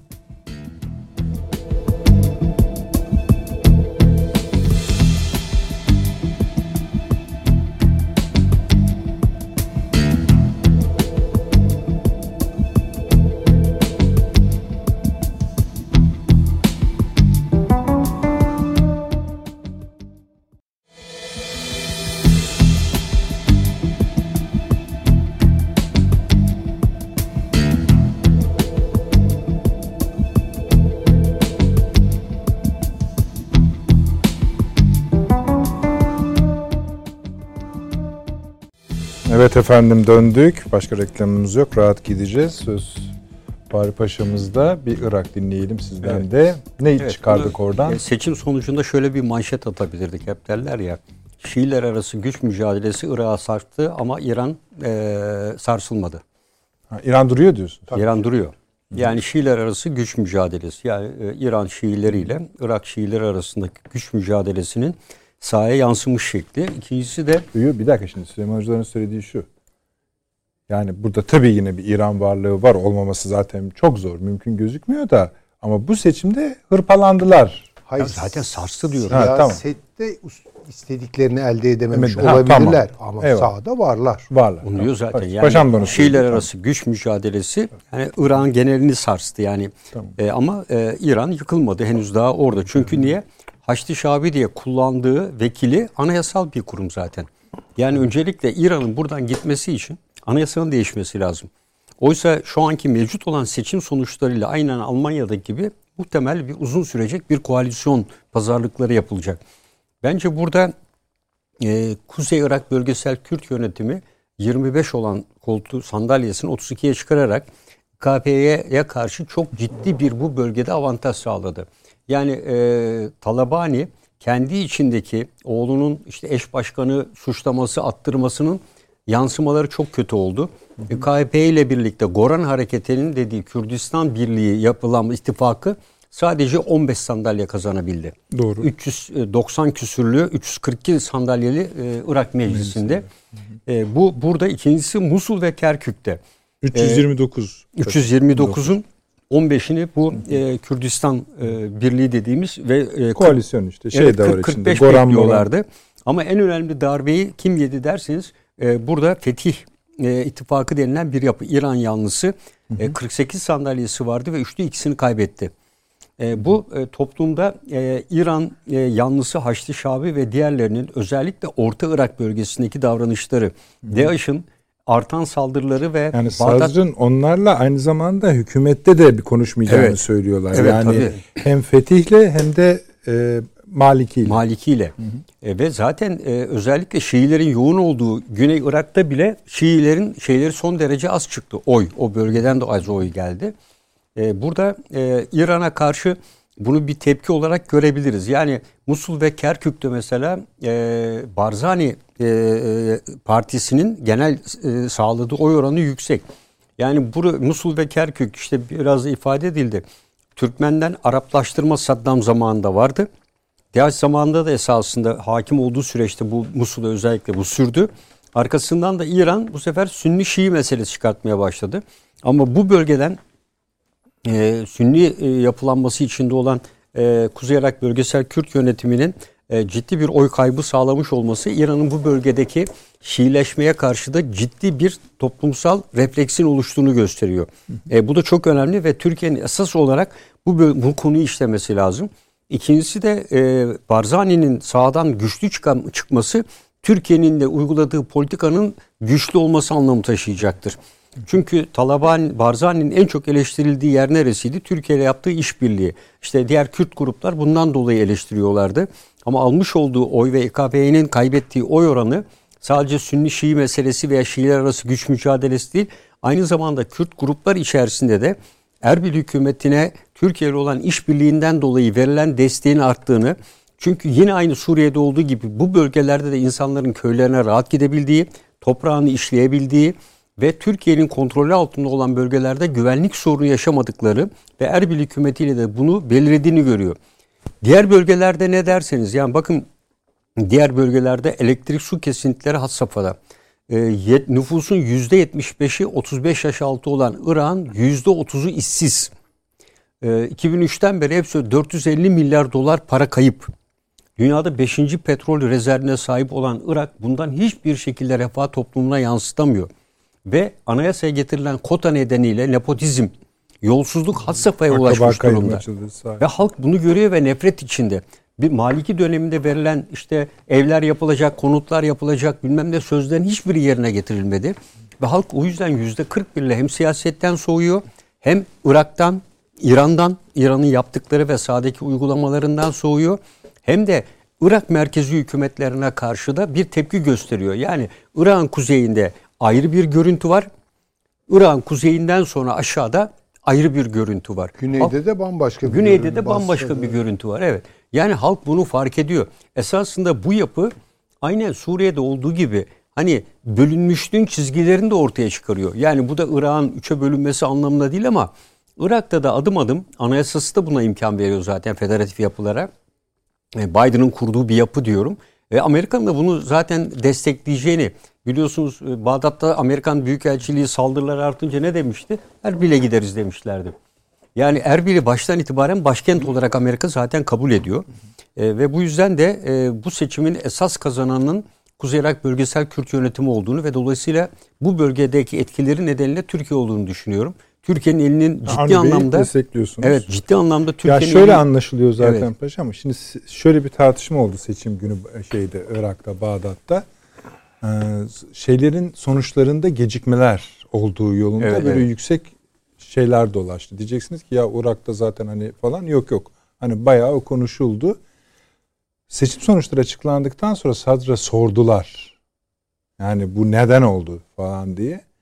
Onu dedi seçim günü Bağdat'a gelen İran devrim muhafızları komutanına soruldu. Kudüs gücü komutanı geldi. Ha. Yani bu öldürülenin bir gün evet öldürülenin yerine, yerine gelen geldi. Yani evet. ona sorun dedi. Yani anlıyoruz ki adam oraya geliyor aynı gün. Orada Ona pazarlıklar tepki var ama. Tabii pazarlıklar yapıyor, konuşmalar yapıyor, şu yapıyor, bu yapıyor ve şey e, gecikiyor. Sandıklar, sandıklar gecikiyor. Bir de onun Etki hemen, demektir bu hemen yani. Hemen bir gün sonrasında da biliyorsunuz DAEŞ'in e, önemli elemanlarından biri yakalanıyor. Hı. Bir operasyonla yapılıyor. Bu da daha seçim sonuçları açıklanmadan gerçekleştirilen bir olay. Yani o da merkez hükümet açısından e, dolayısıyla genel tablo iyi gibi genel, gözüküyor. Genel tablo Türkiye aslında iyi. Tabii bunu İran e, böyle bir şeyin altında bu kadar yatırım yaptıktan sonra bunun Bırak, altında kalır tabii, mı derseniz tabii. E, bunu şey kaybetmesi yapar. demek yani, Suriye'yi Suriye'den çekilmesi demektir. Bölgeyi kaybediyor. Şii hilalinden vazgeçmesi demektir. Bir ucu körfeze evet, dokunuyor. Yani, e, Aynı zamanda kuzeyden de yani bizim sınırımızın alt kısmından da tehdit olur kendisine. Tabii. Zamanla. Yani e, zor bir şey. Bir de yukarıda zaten yeni dertleri var. İyice karışır iş. Evet yani Ama işte arkası sağlam olunca. Ya Kuzey Irak bölgesel Kürt yönetimi belki stratejik özellik talebinde bulunarak e, Türkiye'ye e, bir federatif yapıyla bağlanmak da isteyebilir. Bakın işte Evet işte ama Türkiye'nin maksimalist dediklerim. Hayır şöyle. Ee, nasıl az önce Süleyman Hocam da söyledi. Türkiye'nin proje sunması lazım. Bu bölgedeki halklara. Yani eğer Türkiye bir proje olarak sunarsa bu dediğiniz bunu Suriye'de de aynı şeyler bunlar. Yani sunabi- sunabilir. O insanlar orada hem özelliğin şeyini yaşarlar. e, avantajlarını yaşarlar. Efendim. Hem de e, Türkiye'nin sağladığı koruma ve güvenliğin e, imkanlarından yararlanır. İşte bundan sonra daha Çok. Türkiye'nin eli biraz daha partinin de eli güçleniyor. Erbil'in de eli güçlendi. Tabii. E, çünkü 7 milletvekili arttırdı bu dönemde. Yani kendi kapasitesinin üstüne çıktı. Öbür tarafta rakipleri toplam Goran hareketiyle yani üçlü bir hareket var burada Ha, biliyorsunuz. ama Goran tabii bu PKK. dediği Evet. mesela şöyle e, olur. Yani e, Amerika'nın çok büyük öfkesini çeker. Ay, İnanılmaz yani. Bu Türkiye büyüyor. Zaten yani bu Kıbrıs harekatından sonra Türkiye konusunda hep soru işaretleri var. Hep ama her zaman soru işaretleri var. Girdiği yerden çıkmaz bunlar diye. E tamam çıkmaz çünkü o topraklar zaten bizimdi. Yani Tamam, temel problem bu. Yani çıkardıkları yani. yere yani çıkar Bizim- yani dönerler dediğinde. Tabii yani e, o, Tarih de çağırır, Nasıl Yani elden Libya konusundaki. Libya konusundaki itirazların altında yatan da bu. Peki. ama engel olamadılar. yine geldiler diyor.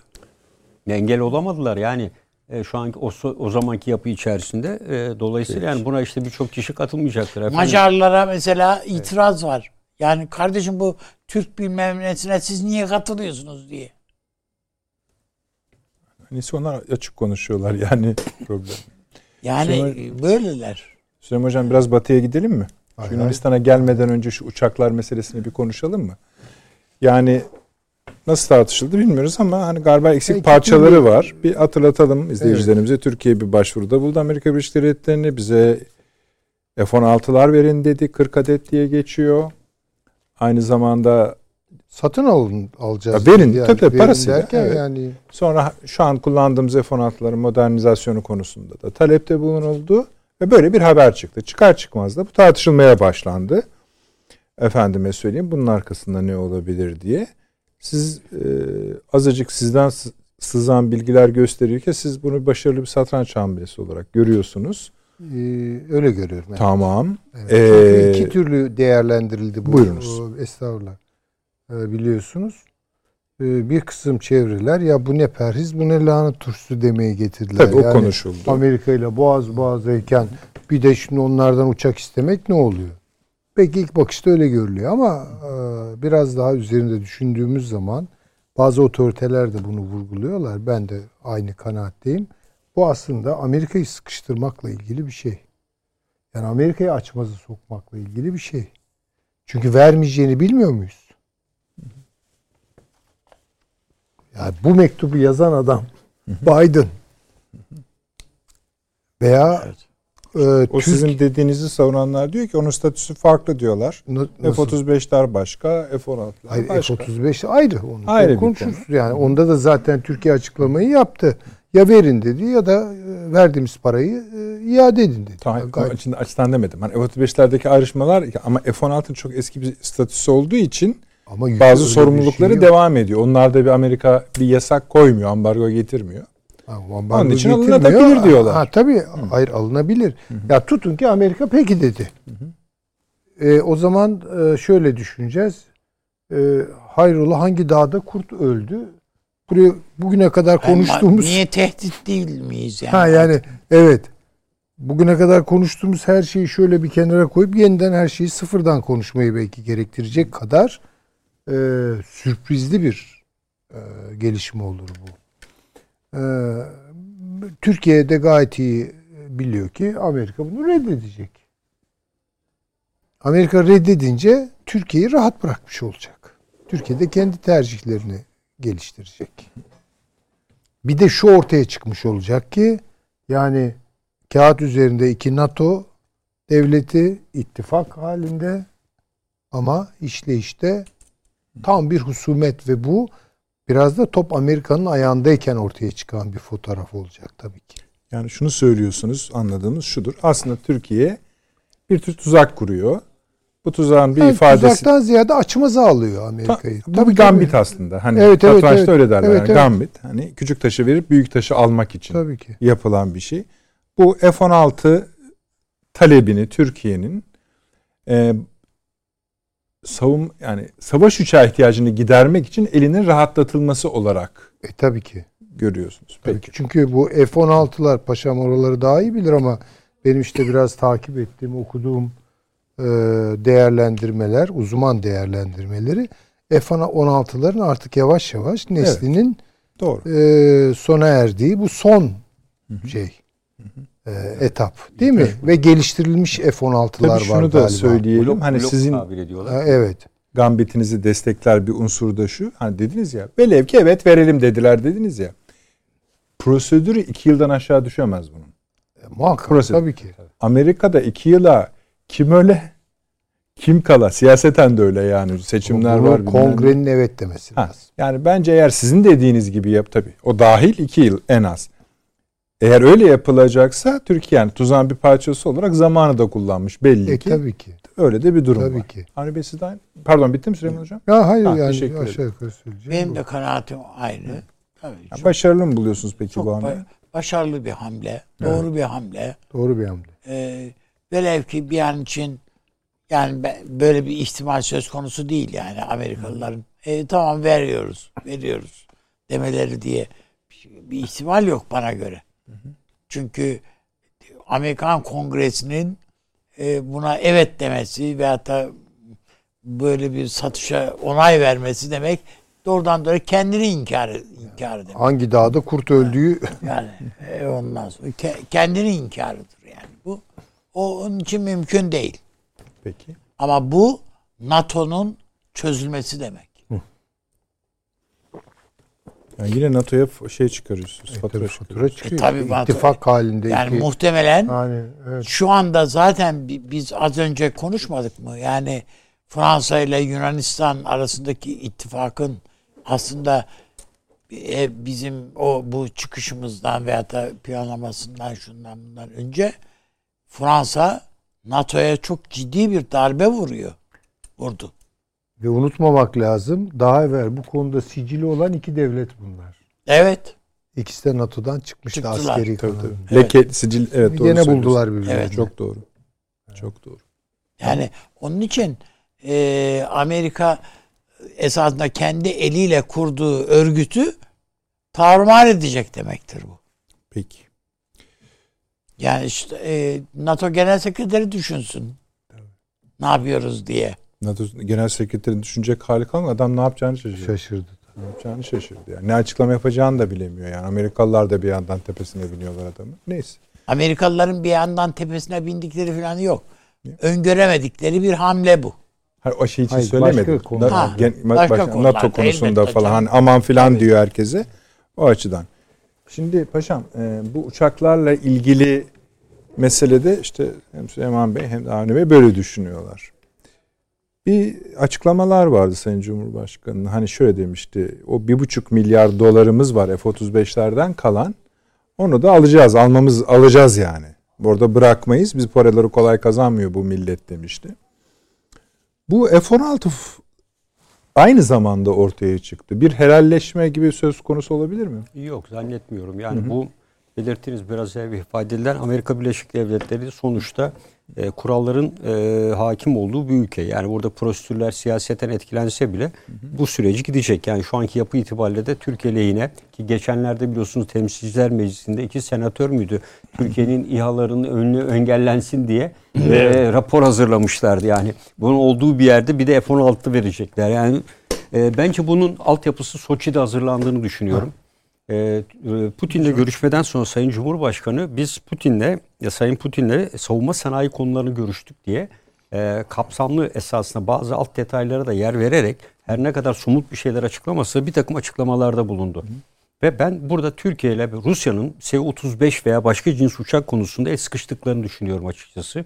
Çünkü Türkiye F-16'lar konusunda evet dış e, yapısında düzeltirseniz ne yaparsanız yapınız şu anda Yunanistan e, F-35 e, işte yeni nesil F-16'larla e, havada e, ciddi anlamda bir üstünlük sağlayacak gibi görünüyor. E, aynı şekilde Rafael sınıfı, sınıfı den, e, fırkateynlerle ve diğerleriyle de denizde de e, benzeri bir sıkıntı yaşanabilir ileride.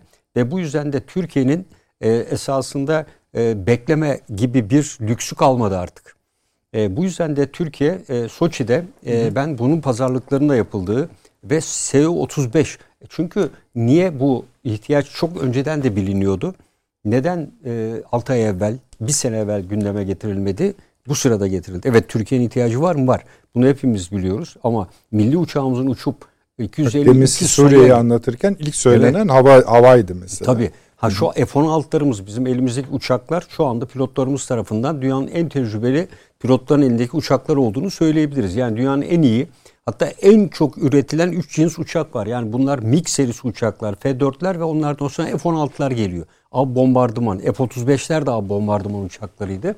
E, bu açıdan baktığımızda bu süreci ben esasında Türkiye'nin hava savunma sistemi ararken Amerika'dan Patriot isterken vermemelerin üzerine e, S-400'e yöneldikleri sürece benzetiyorum. Benzetiyorsunuz. Evet. Ama bu kez adını koyarak. Bu sefer adını koyarak gidiyor yani. E, orada da sonra biz Patriot demiştik. Öbür tarafta da S-400'ler e, sonra yani çıktı ortaya. İzleyicilerimizin esasında Ankara'nın bir meselede nasıl plan kurduğuna ilişkin evet. güzel bir örnekle karşı karşıya olduğunu düşünüyorum ben.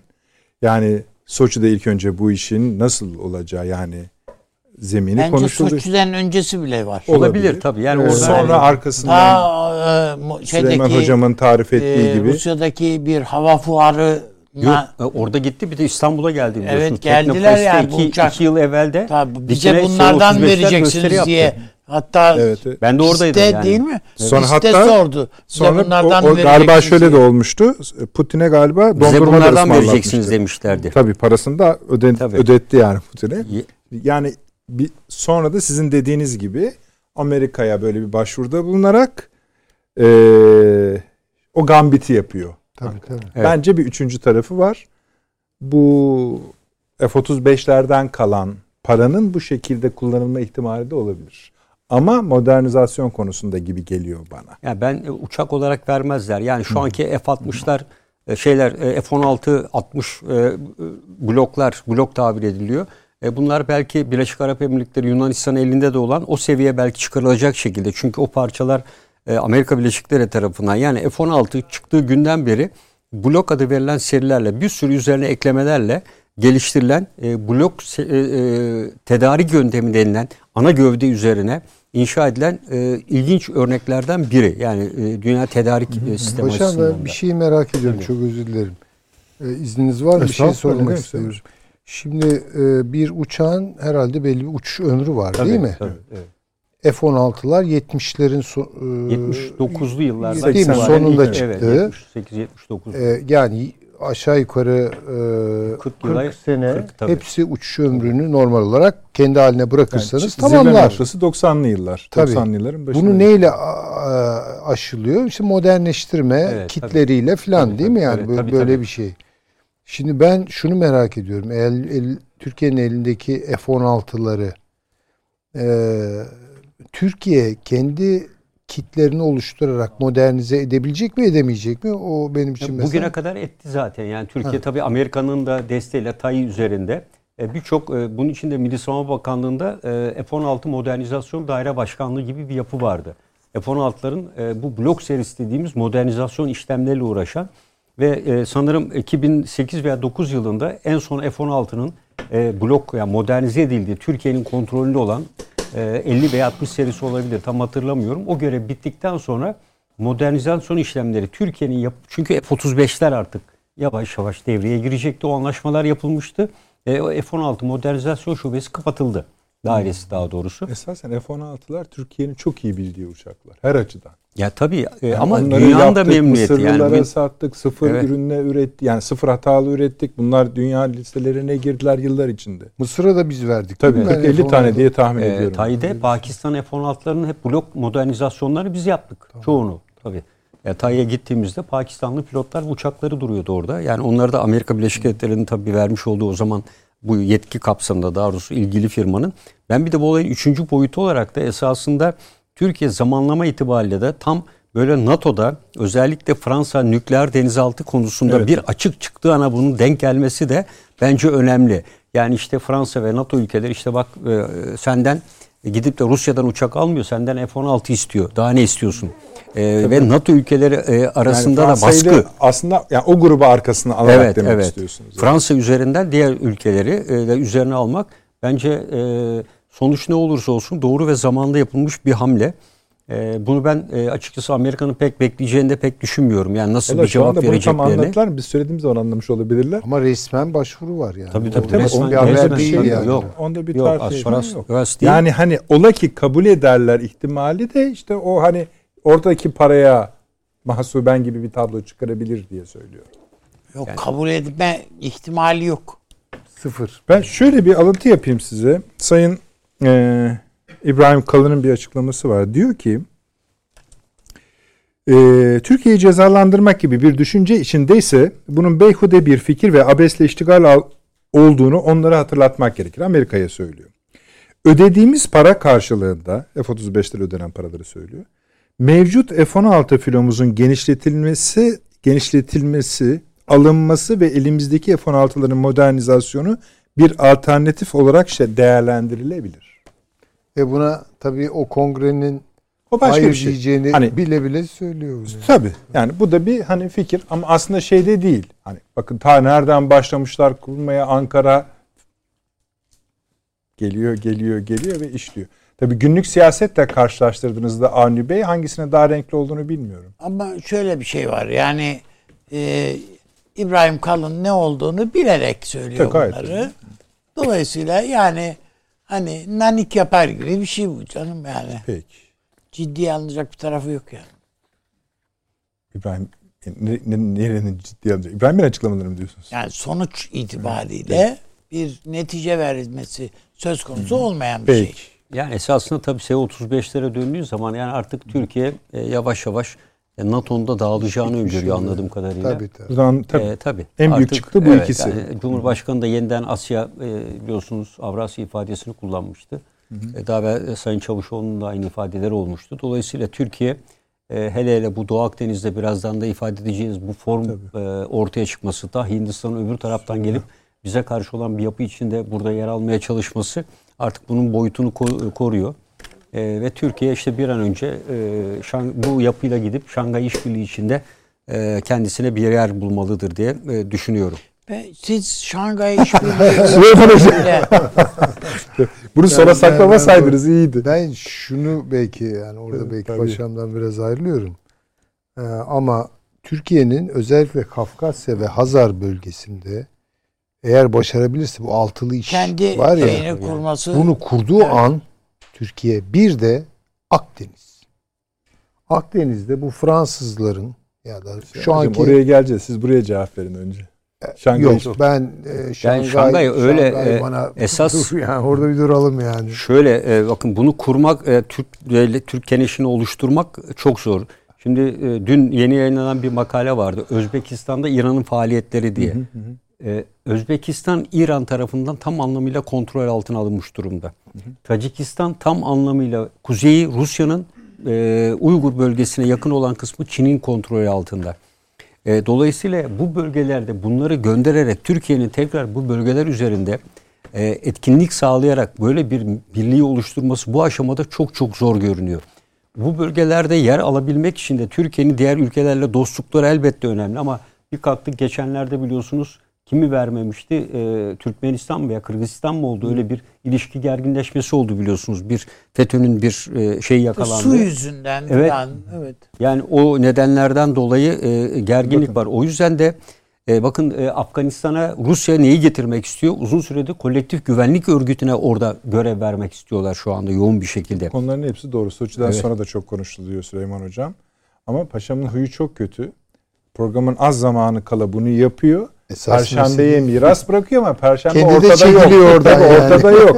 Yani siz burada onu toparlayacağız diye uğraşıyorsunuz. Şu son konumuzda yetiştirelim söz, Tamam. izleyicilerimize söz verdik. Avni abi Amerika Birleşik Devletleri'nin iddia o ki Yunanistan'ın toprak bütünlüğüne ilişkin bir garanti verip öyle arada da askeri anlaşma imzaladığı, imzalayacağı söyleniyor. Bu şimdi bayağı tartışmaya başladı. 15 adet de F-15 savaş uçağı getirdi bölgeye. Onların da kalacağını söylüyor Yunanistan. Bu Akdeniz denkleminde, Türkiye-Yunanistan ilişkilerinde vesairede bu ne demektir? Yani Yunanistan'ın başına bir yeni bela belki de talih kuşu. Yani, Onlar açısından öyledir. Evet yani bizim açımızdan talih kuşu. Efendim yani hiç kimse Yunanistan'ın toprağını garanti edemez. Hiç kimse ama. Yunanistan'ın başına tebelleş olur birçok şey. Kendi tarihi dahil yani. Yani Peki bu şey nereden yok. geliyor şimdi? E işte orada mesela Batı Trakya'da bir Türk varlığı var. Orada bir devlet de vardı bir tarihte. Yani bir tarihte dediğimizde ya 1919'da 19'larda evet. 20'de vardı. Pulu var, çusu Pulu, var, aynen. busu var, bayrağı var. Her bir evet. şeysi var. Pulu Yani var. vardı. E şimdi sen orada bütün e, bütün her yerde şeylerini, varlıklarını yok ettin. İnsanların ka- kazıdığı resmen yani. Orada Yunanistan. Yani bu, burada uyduruk şeyleri Pontus'un peşine düşer, düşer yani. Sen orada ona bak. Esas. Yunanistan'ın ona kendi e, arkasındaki şeyi Peki. E, görmesinde fayda var. Onun için kimse ve özellikle de Amerika Yunanistan'a hiçbir şeyi garanti edemez. Şu saatten sonra. Süleyman Hocam siz de aynı mı? Fransa da edemeyecek. Şimdi Başlarına bela. Yun- Yunanistan'ı bir kolundan Amerika çekiyor. Ee, diğer kolundan da Fransa çekiyor. Ama her ikisi de askeri yığınak yapıyor oraya. Ya şöyle Yani asker orada biriktirmek Yani anlamında Fransa- söylemiyorum. Savunmasını tabii, tabii. destekliyorlar. Yani Fransa askeri anlaşmalar imzalıyor. Siyasal garantiler vesaire stratejik e, iki müttefik devlet olduk diye çıkıyor. E, fakat tabii Fransa'nın NATO'nun dışında bir yeni e, ne diyelim ona ağırlık alanı geliştirme gayretlerinin fonksiyonu bu. Amerika'nınki başka. Amerika orada bir sınır çekiyor. Ve belki de kendi aralarında şöyle anlaştılar. Ben dede ağaca kadar indiririm bu hattı. Aşağıda da ben işte Akdeniz e, coğrafyasında bildiğinizi okuyun yani. Hı. Hoş tabii üstleri yok değil Amerika'nın orada da var ama biraz daha Fransa'nın dümen suyuna sokmuş Sürme durumda, gibi. sürmüş durumda. Ama bu tabii gitmez. Yani iki taraftan çekilince yani ona e, İşte o siesta arasında bir şey hocam. Evet yani şimdi ama Fransa'nın hesapları nafile. Esas ben ona bakıyorum ve Yunanistan'ın da bunu çok doğrusu hesapladığı kanaatinde değilim Yunan Yani dışişlerini sevinç falan. çığlıkları atıyor şu anda. Ama işte Ha, o tabii, bu çok palyatif bir şey. Yani şu an e, düşmanıma karşı ne kadar onun düşmanını toplayabilirim. Öyle aynen öyle. Yani bir tür böyle diplomatik dolmuşçuluk peşinde. Yani dolmuşta da herkes biner ya dolmuşa. Onlar da bu dolmuş gücünü seferber ederek Türkiye'yi rahatsız etmek istiyorlar veya etkilemek istiyor Yunanistan. Yanlış yol. Çünkü diplomasi dolmuşla gitmez yani. Onu söyleyelim. Ne birbirine benzemez bir Mısır var. Bahsettiğiniz o toplantı zaten bunu dolmuşun şeylerini, müşterilerini koyuyor yani. Not düştük kaçırmayacağız artık. Ha. Yok Hindistan, İsrail, Suudi Arabistan. Ama bunları Birleşik biz saydık. Bakın Birleşik değil mi? Burada saydık Tabii, biz tabii. bunları. Tabii tabii. Böyle Birleşik bir toplantı düzenlenmeden isim isim bunları Mısır söyledik. Hatta neye karşı cevap? Türkiye hani Cumhurbaşkanı da ifade etti ya Doğu Akdeniz'de bir konferans düzenleyelim. Ee, ona hiç cevap vermeyen bu ülkeler şimdi kendileri Doğu Akdeniz güvenliği için bir forum düzenliyorlar. Ha. Ama Türkiye yok. Türkiye'siz bir Akdeniz'in Tabii. mümkün olmadığını ben söylüyorum. Fransa kafasını vura vura vura görecek. Eyvallah. Ve e, Yunanlılar basketbolu çok severler. Onlara güzel bir fake atacak. Yapmadıkları şey değildir. Türkiye ile birlikte bir başka büyük şey oluşturabilir miyiz? Akdeniz Birliği. Çünkü bu lafı etmişti. Sarkozy galiba değil mi? Bu başlatmıştı bu Evet. işi Akdeniz filan. Biz de doğrusu umutlanmıştık. Ne güzel yani Türkiye e, ile birlikte bu İtalya girer, diğerleri girer. Bir barış denizi olur Akdeniz. Halbuki öyle olmadı ama en azından Türkiye'nin batısındaki o baskıyı ortadan kaldıracak şey Fransa'nın izlediği bu Doğu Akdeniz siyasetlerinin iflasını kendisi görmesi veya bunun faturasını Macron'a kesip Macron'u gönderip yerine Bunu bunu bir Hocam bu seçimden sonra dursun. Fransa görür bunu. ha görür. İşte o zaman Türkiye'nin Kafkasya'da geliştireceği e, ve onun güç arttırımına işaret eden o Kafkasya barışıyla Akdeniz barışını Türkiye sağlarsa ondan sonra belki Asya açılımını bunun üzerinden yapması daha bence Ama ben mesela paşamın bu söylediği şeye yani Şangay Beşlisi şeyine çok ihtimal vermiyorum. Türkiye için Başından beri Cazip- pozisyonunuzu koruyorsunuz abi. cazip bir Ee, şey değil o. ben de onda aynı Siz şeyi- itirazınızı benim koruyorsunuz. itirazım var yani. Gerçi- Daha doğrusu belli. ihtirazi kayıtlarım var yani bu Asya işi, Çin işi Peki. Paşam. Şimdi Süleyman Bey öyle der, Avni Bey öyle der ama sonuçta Yunanistan'da işte bir batı çizgisi var. İster Avrupa'ya bindirin, ister Atlantik'e işte batı.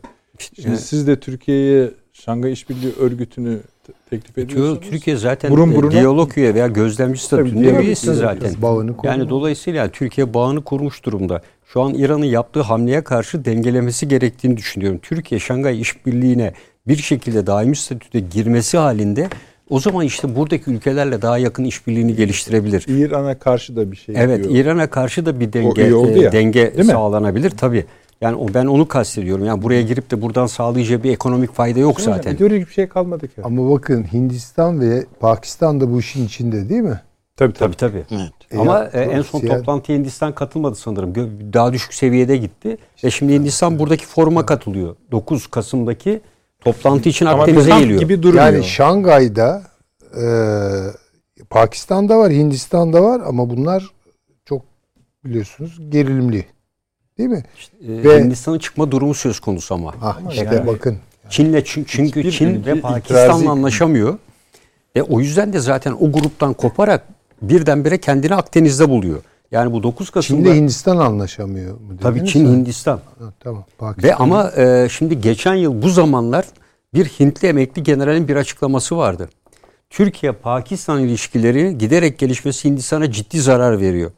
O yüzden biz de Türkiye'yi batıdan çevreleyecek şekilde Yunanistan'la tatbikat yapmalı ve destek sağlamalıyız dedi. Ve akabinde bu forum oldu. Peki bu forma katılan ülkelerin ortak özelliği nedir? Amerika'nın sözünden asla çıkmayan ülkeler dizisidir. Amerika ne oluşturuyor? Amerika Hint Pasifik'e gitmekten ötürü kendi güçleriyle birlikte bunlardan yeni bir esasında ittifak oluşturuyor burada. Ama buna geniş bir haritaya oturtmak zorundayız. Şunu kastediyorum. Niye Yunanistan'da yapıyor o zaman?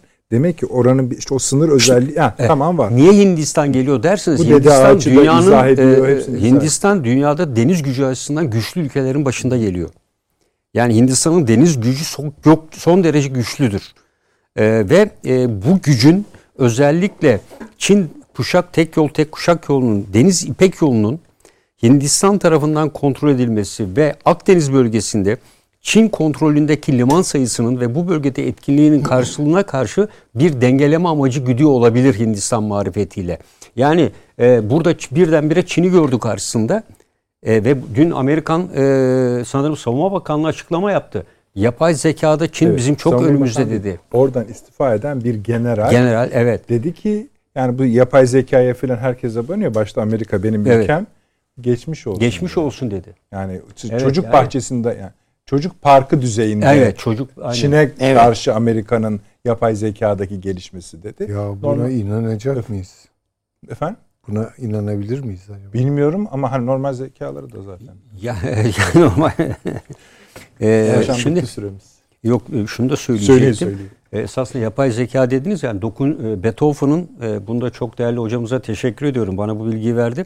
Beethoven'ın bitmeyen senfonisini bir yapay zeka tamamlamış ve dün Almanya'da bir konser verilmiş. Meşhur bitmeyen senfonisini aynı şeyle yapay zekanın getirdiği sonuç. Bir de son olarak tabii Almanya'da Hristiyan demokratlar dağıldı. E, sosyal demokratlar kendi içinde parçalanıyor. Biraz gençten gelen künler Yani şey, sonuç yok da. Yani Evet. yedi, Bakalım, Avrupa'da 7 tane Ee, şu anda Devlette Hristiyan demokratlar CDU yeniden siyaset- e, yapılanmaya çalışıyor, çabalıyor. CDU da aynı şekilde kendi içinden daha fazla sosyalist, e, daha fazla sol olan görüşte gençlerin getirdiği 47 milletvekili seçtirmiş. CDU'nun gençler grubu orası da karışık durumda. Bu arada 16'sında da Merkel Türkiye'ye geliyor tabii. O da önemli bir konu Evet olarak. öyle. Merkel daha kalacak galiba. Ya bence de işte o yüzden Merkel önemli. Ama onlar daha önce de böyle uzun sürdü seçmeleri. Altı Orada ay. bir problem yaratmıyor ama diğer Avrupa ülkelerinde problem var. İşte Avusturya gibi. Evet öyle. Yani onlarda problem var. Ee, Sayın Hocam bu akşam biraz mahzun kaldınız.